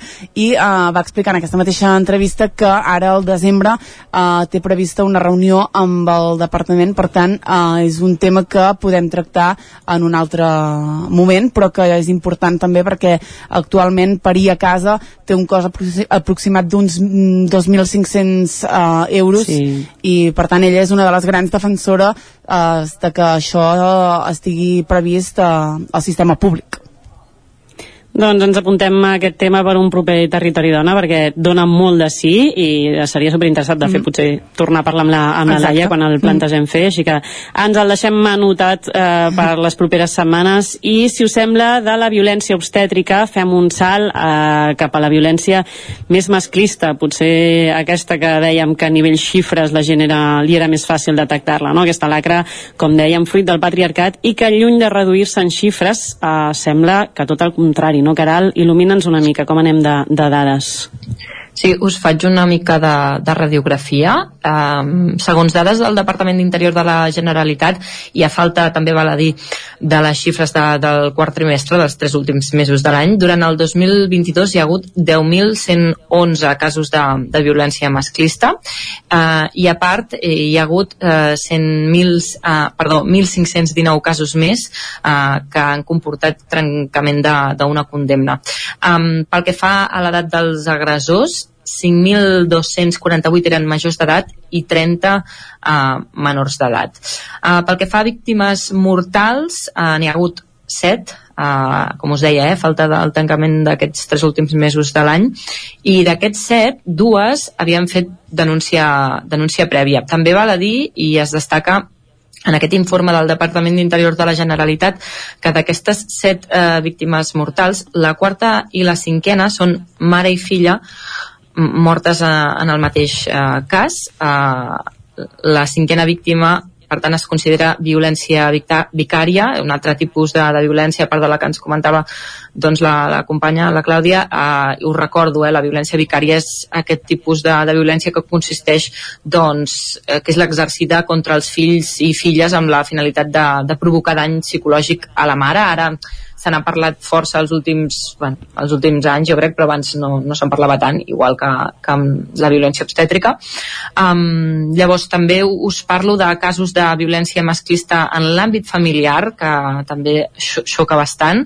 Hi ha hagut uh, 2.509 casos i aquí augmenten els menors d'edat detinguts respecte doncs, als casos de violència masclista en general. En l'àmbit familiar, els menors detinguts són 57 persones, en, en, en l'altre cas eren, eren perdoneu, eren uh, 30, 30 menors, 30 menors d'edat i aquí són 57. I els majors d'edat en casos de violència masclista en l'àmbit familiar són 1.120. Us parlo també de, de dos, de dos casos, uh, uh, altres casos, uh, matrimonis forçats, també en aquest uh, expedient doncs, els, els reflecteixen. Um, us parlaré de les regions que ens ocupen perquè va, va, va separat per regions policials. Val? En el cas de, de la regió policial metropolitana nord, que correspondria al Vallès Oriental, hi ha hagut dos casos de matrimonis forçats amb menors i un cas amb majors d'edat i en el cas de la regió policial central, que seria l'àrea bàsica policial d'Osona, no n'hi ha, no ha hagut cap. Um, en total, en tot Catalunya, hi ha hagut 13 casos de matrimonis uh, forçats. I acabaria amb, amb mutilació genital femenina, um, que hi ha hagut, segons aquest informe, uh, un cas uh, a la regió doncs, policial central, a l'àrea bàsica policial d'Osona, un cas, i no n'hi ha hagut cap en, en cas del, del Vallès Oriental. En tota Catalunya, això sí, de mutilació genital femenina hi ha hagut 10 casos i acabaríem, si obrim una mica més el focus i no ens quedem només a Catalunya, segons un informe de, de, de l'ONU, cada any són assassinades unes 81.100 dones i nenes, eh, d'aquestes gairebé 6 de, de cada 10, que són un 56%, està demostrat que moren per violència masclista a mans de la parella o exparella o per membres de la seva família. Xifres, la veritat és que esfereïdores, jo crec que ens deixen a... no sé, eh? anava, la Caral anava dient xifres i a mi la veritat és que se m'anava posant la, la pell de gallina de com podem parlar de milers eh, i tenir-ho com tan interioritzat, no? Aquelles, eh, vull dir, sembla ja que estiguin com, com a l'ordre del dia i, i a mi el que més em preocupa és que tot i la lluita són xifres que no baixen. O sigui, lluny de baixar, en alguns casos, en alguns sectors, augmenten. I què estem fent malament perquè aquesta xifra no baixi? Mm, noies, no sé, alguna cosa, alguna cosa com a societat ens hem de replantejar molt, molt clarament, però, però està clar que queda, queda feina, queda moltíssima feina per fer. Jo, si us sembla, per anar acabant el territori dona d'avui, eh, us porto la polèmica, podríem dir, de la, de la setmana, la polèmica de les xarxes, arrel de l'anunci que ha fet precisament el Ministeri d'Igualtat per aquest 25N. La campanya mostra quatre escenaris, no sé si l'heu vist, amb moments masclistes que aquesta societat ha viscut i normalitzat. El primer de la campanya és on surt un streamer que en un dels seus directes assegura tenir un amic que quan sortia de festa sempre bevia sucs i sempre acabava embolicant-se amb noies borratxes. Un comentari que va fer el youtuber El Choca i que vam comentar en el seu moment també aquí al Territori Dona. En segon lloc apareix un presentador que durant una entrevista a una convidada li pregunta si utilitza roba interior sexy o còmoda tal com ho va fer Pablo Motos en una entrevista a El Zapataki en el seu moment a l'Hormiguero. El tercer, uns aficionats futbolístics defensen un jugador que va donar un cop de puny a la seva nòvia assenyalant aquest cop a Rubén Castro, jugador del Betis. I final, finalment a l'anunci surt la imatge d'un edifici amb desenes d'homes abocats a les finestres que simula el Col·legi Major Elias Auja de Madrid, del qual també vam parlar fa unes setmanes aquí mateix quatre situacions que la nostra societat ha normalitzat i on per primera vegada el Ministeri s'atreveix i assenyala obertament a personatges públics com a masclistes. Les reaccions dels assenyalats no han trigat en arribar. El Xoca es declarava fa uns dies «Ese anuncio no lo, he pagado yo y es una vergüenza», amb una paraulota pel mig que m'he estalviat. Estaría bien que utilizase el dinero para implementar leyes que no saquen a, viola que, eh, que no saquen a violadores de les càrceles. Això deia el Xocas eh, fent referència també al milió d'euros que ha costat aquesta campanya. A la mateixa línia es defensava també Pablo Motos, el presentador de l'Hormiguero, fent servir un petit espai dins el seu programa el passat dia 24 i fent servir també el guionista del programa i altres personatges públics per donar-li suport. El cas de Pablo Motos potser és el que més s'ha comentat a les xarxes, ja que el famós presentador ha intentat netejar la seva imatge i han estat desenes de persones les que han recopilat vídeos on es veu el presentador fent comentaris masclistes durant diverses temporades. Oh, sorpresa, spoiler, tots aquests vídeos han anat desapareixent misterios misteriosament del reproductor de 3 Media durant les darreres hores.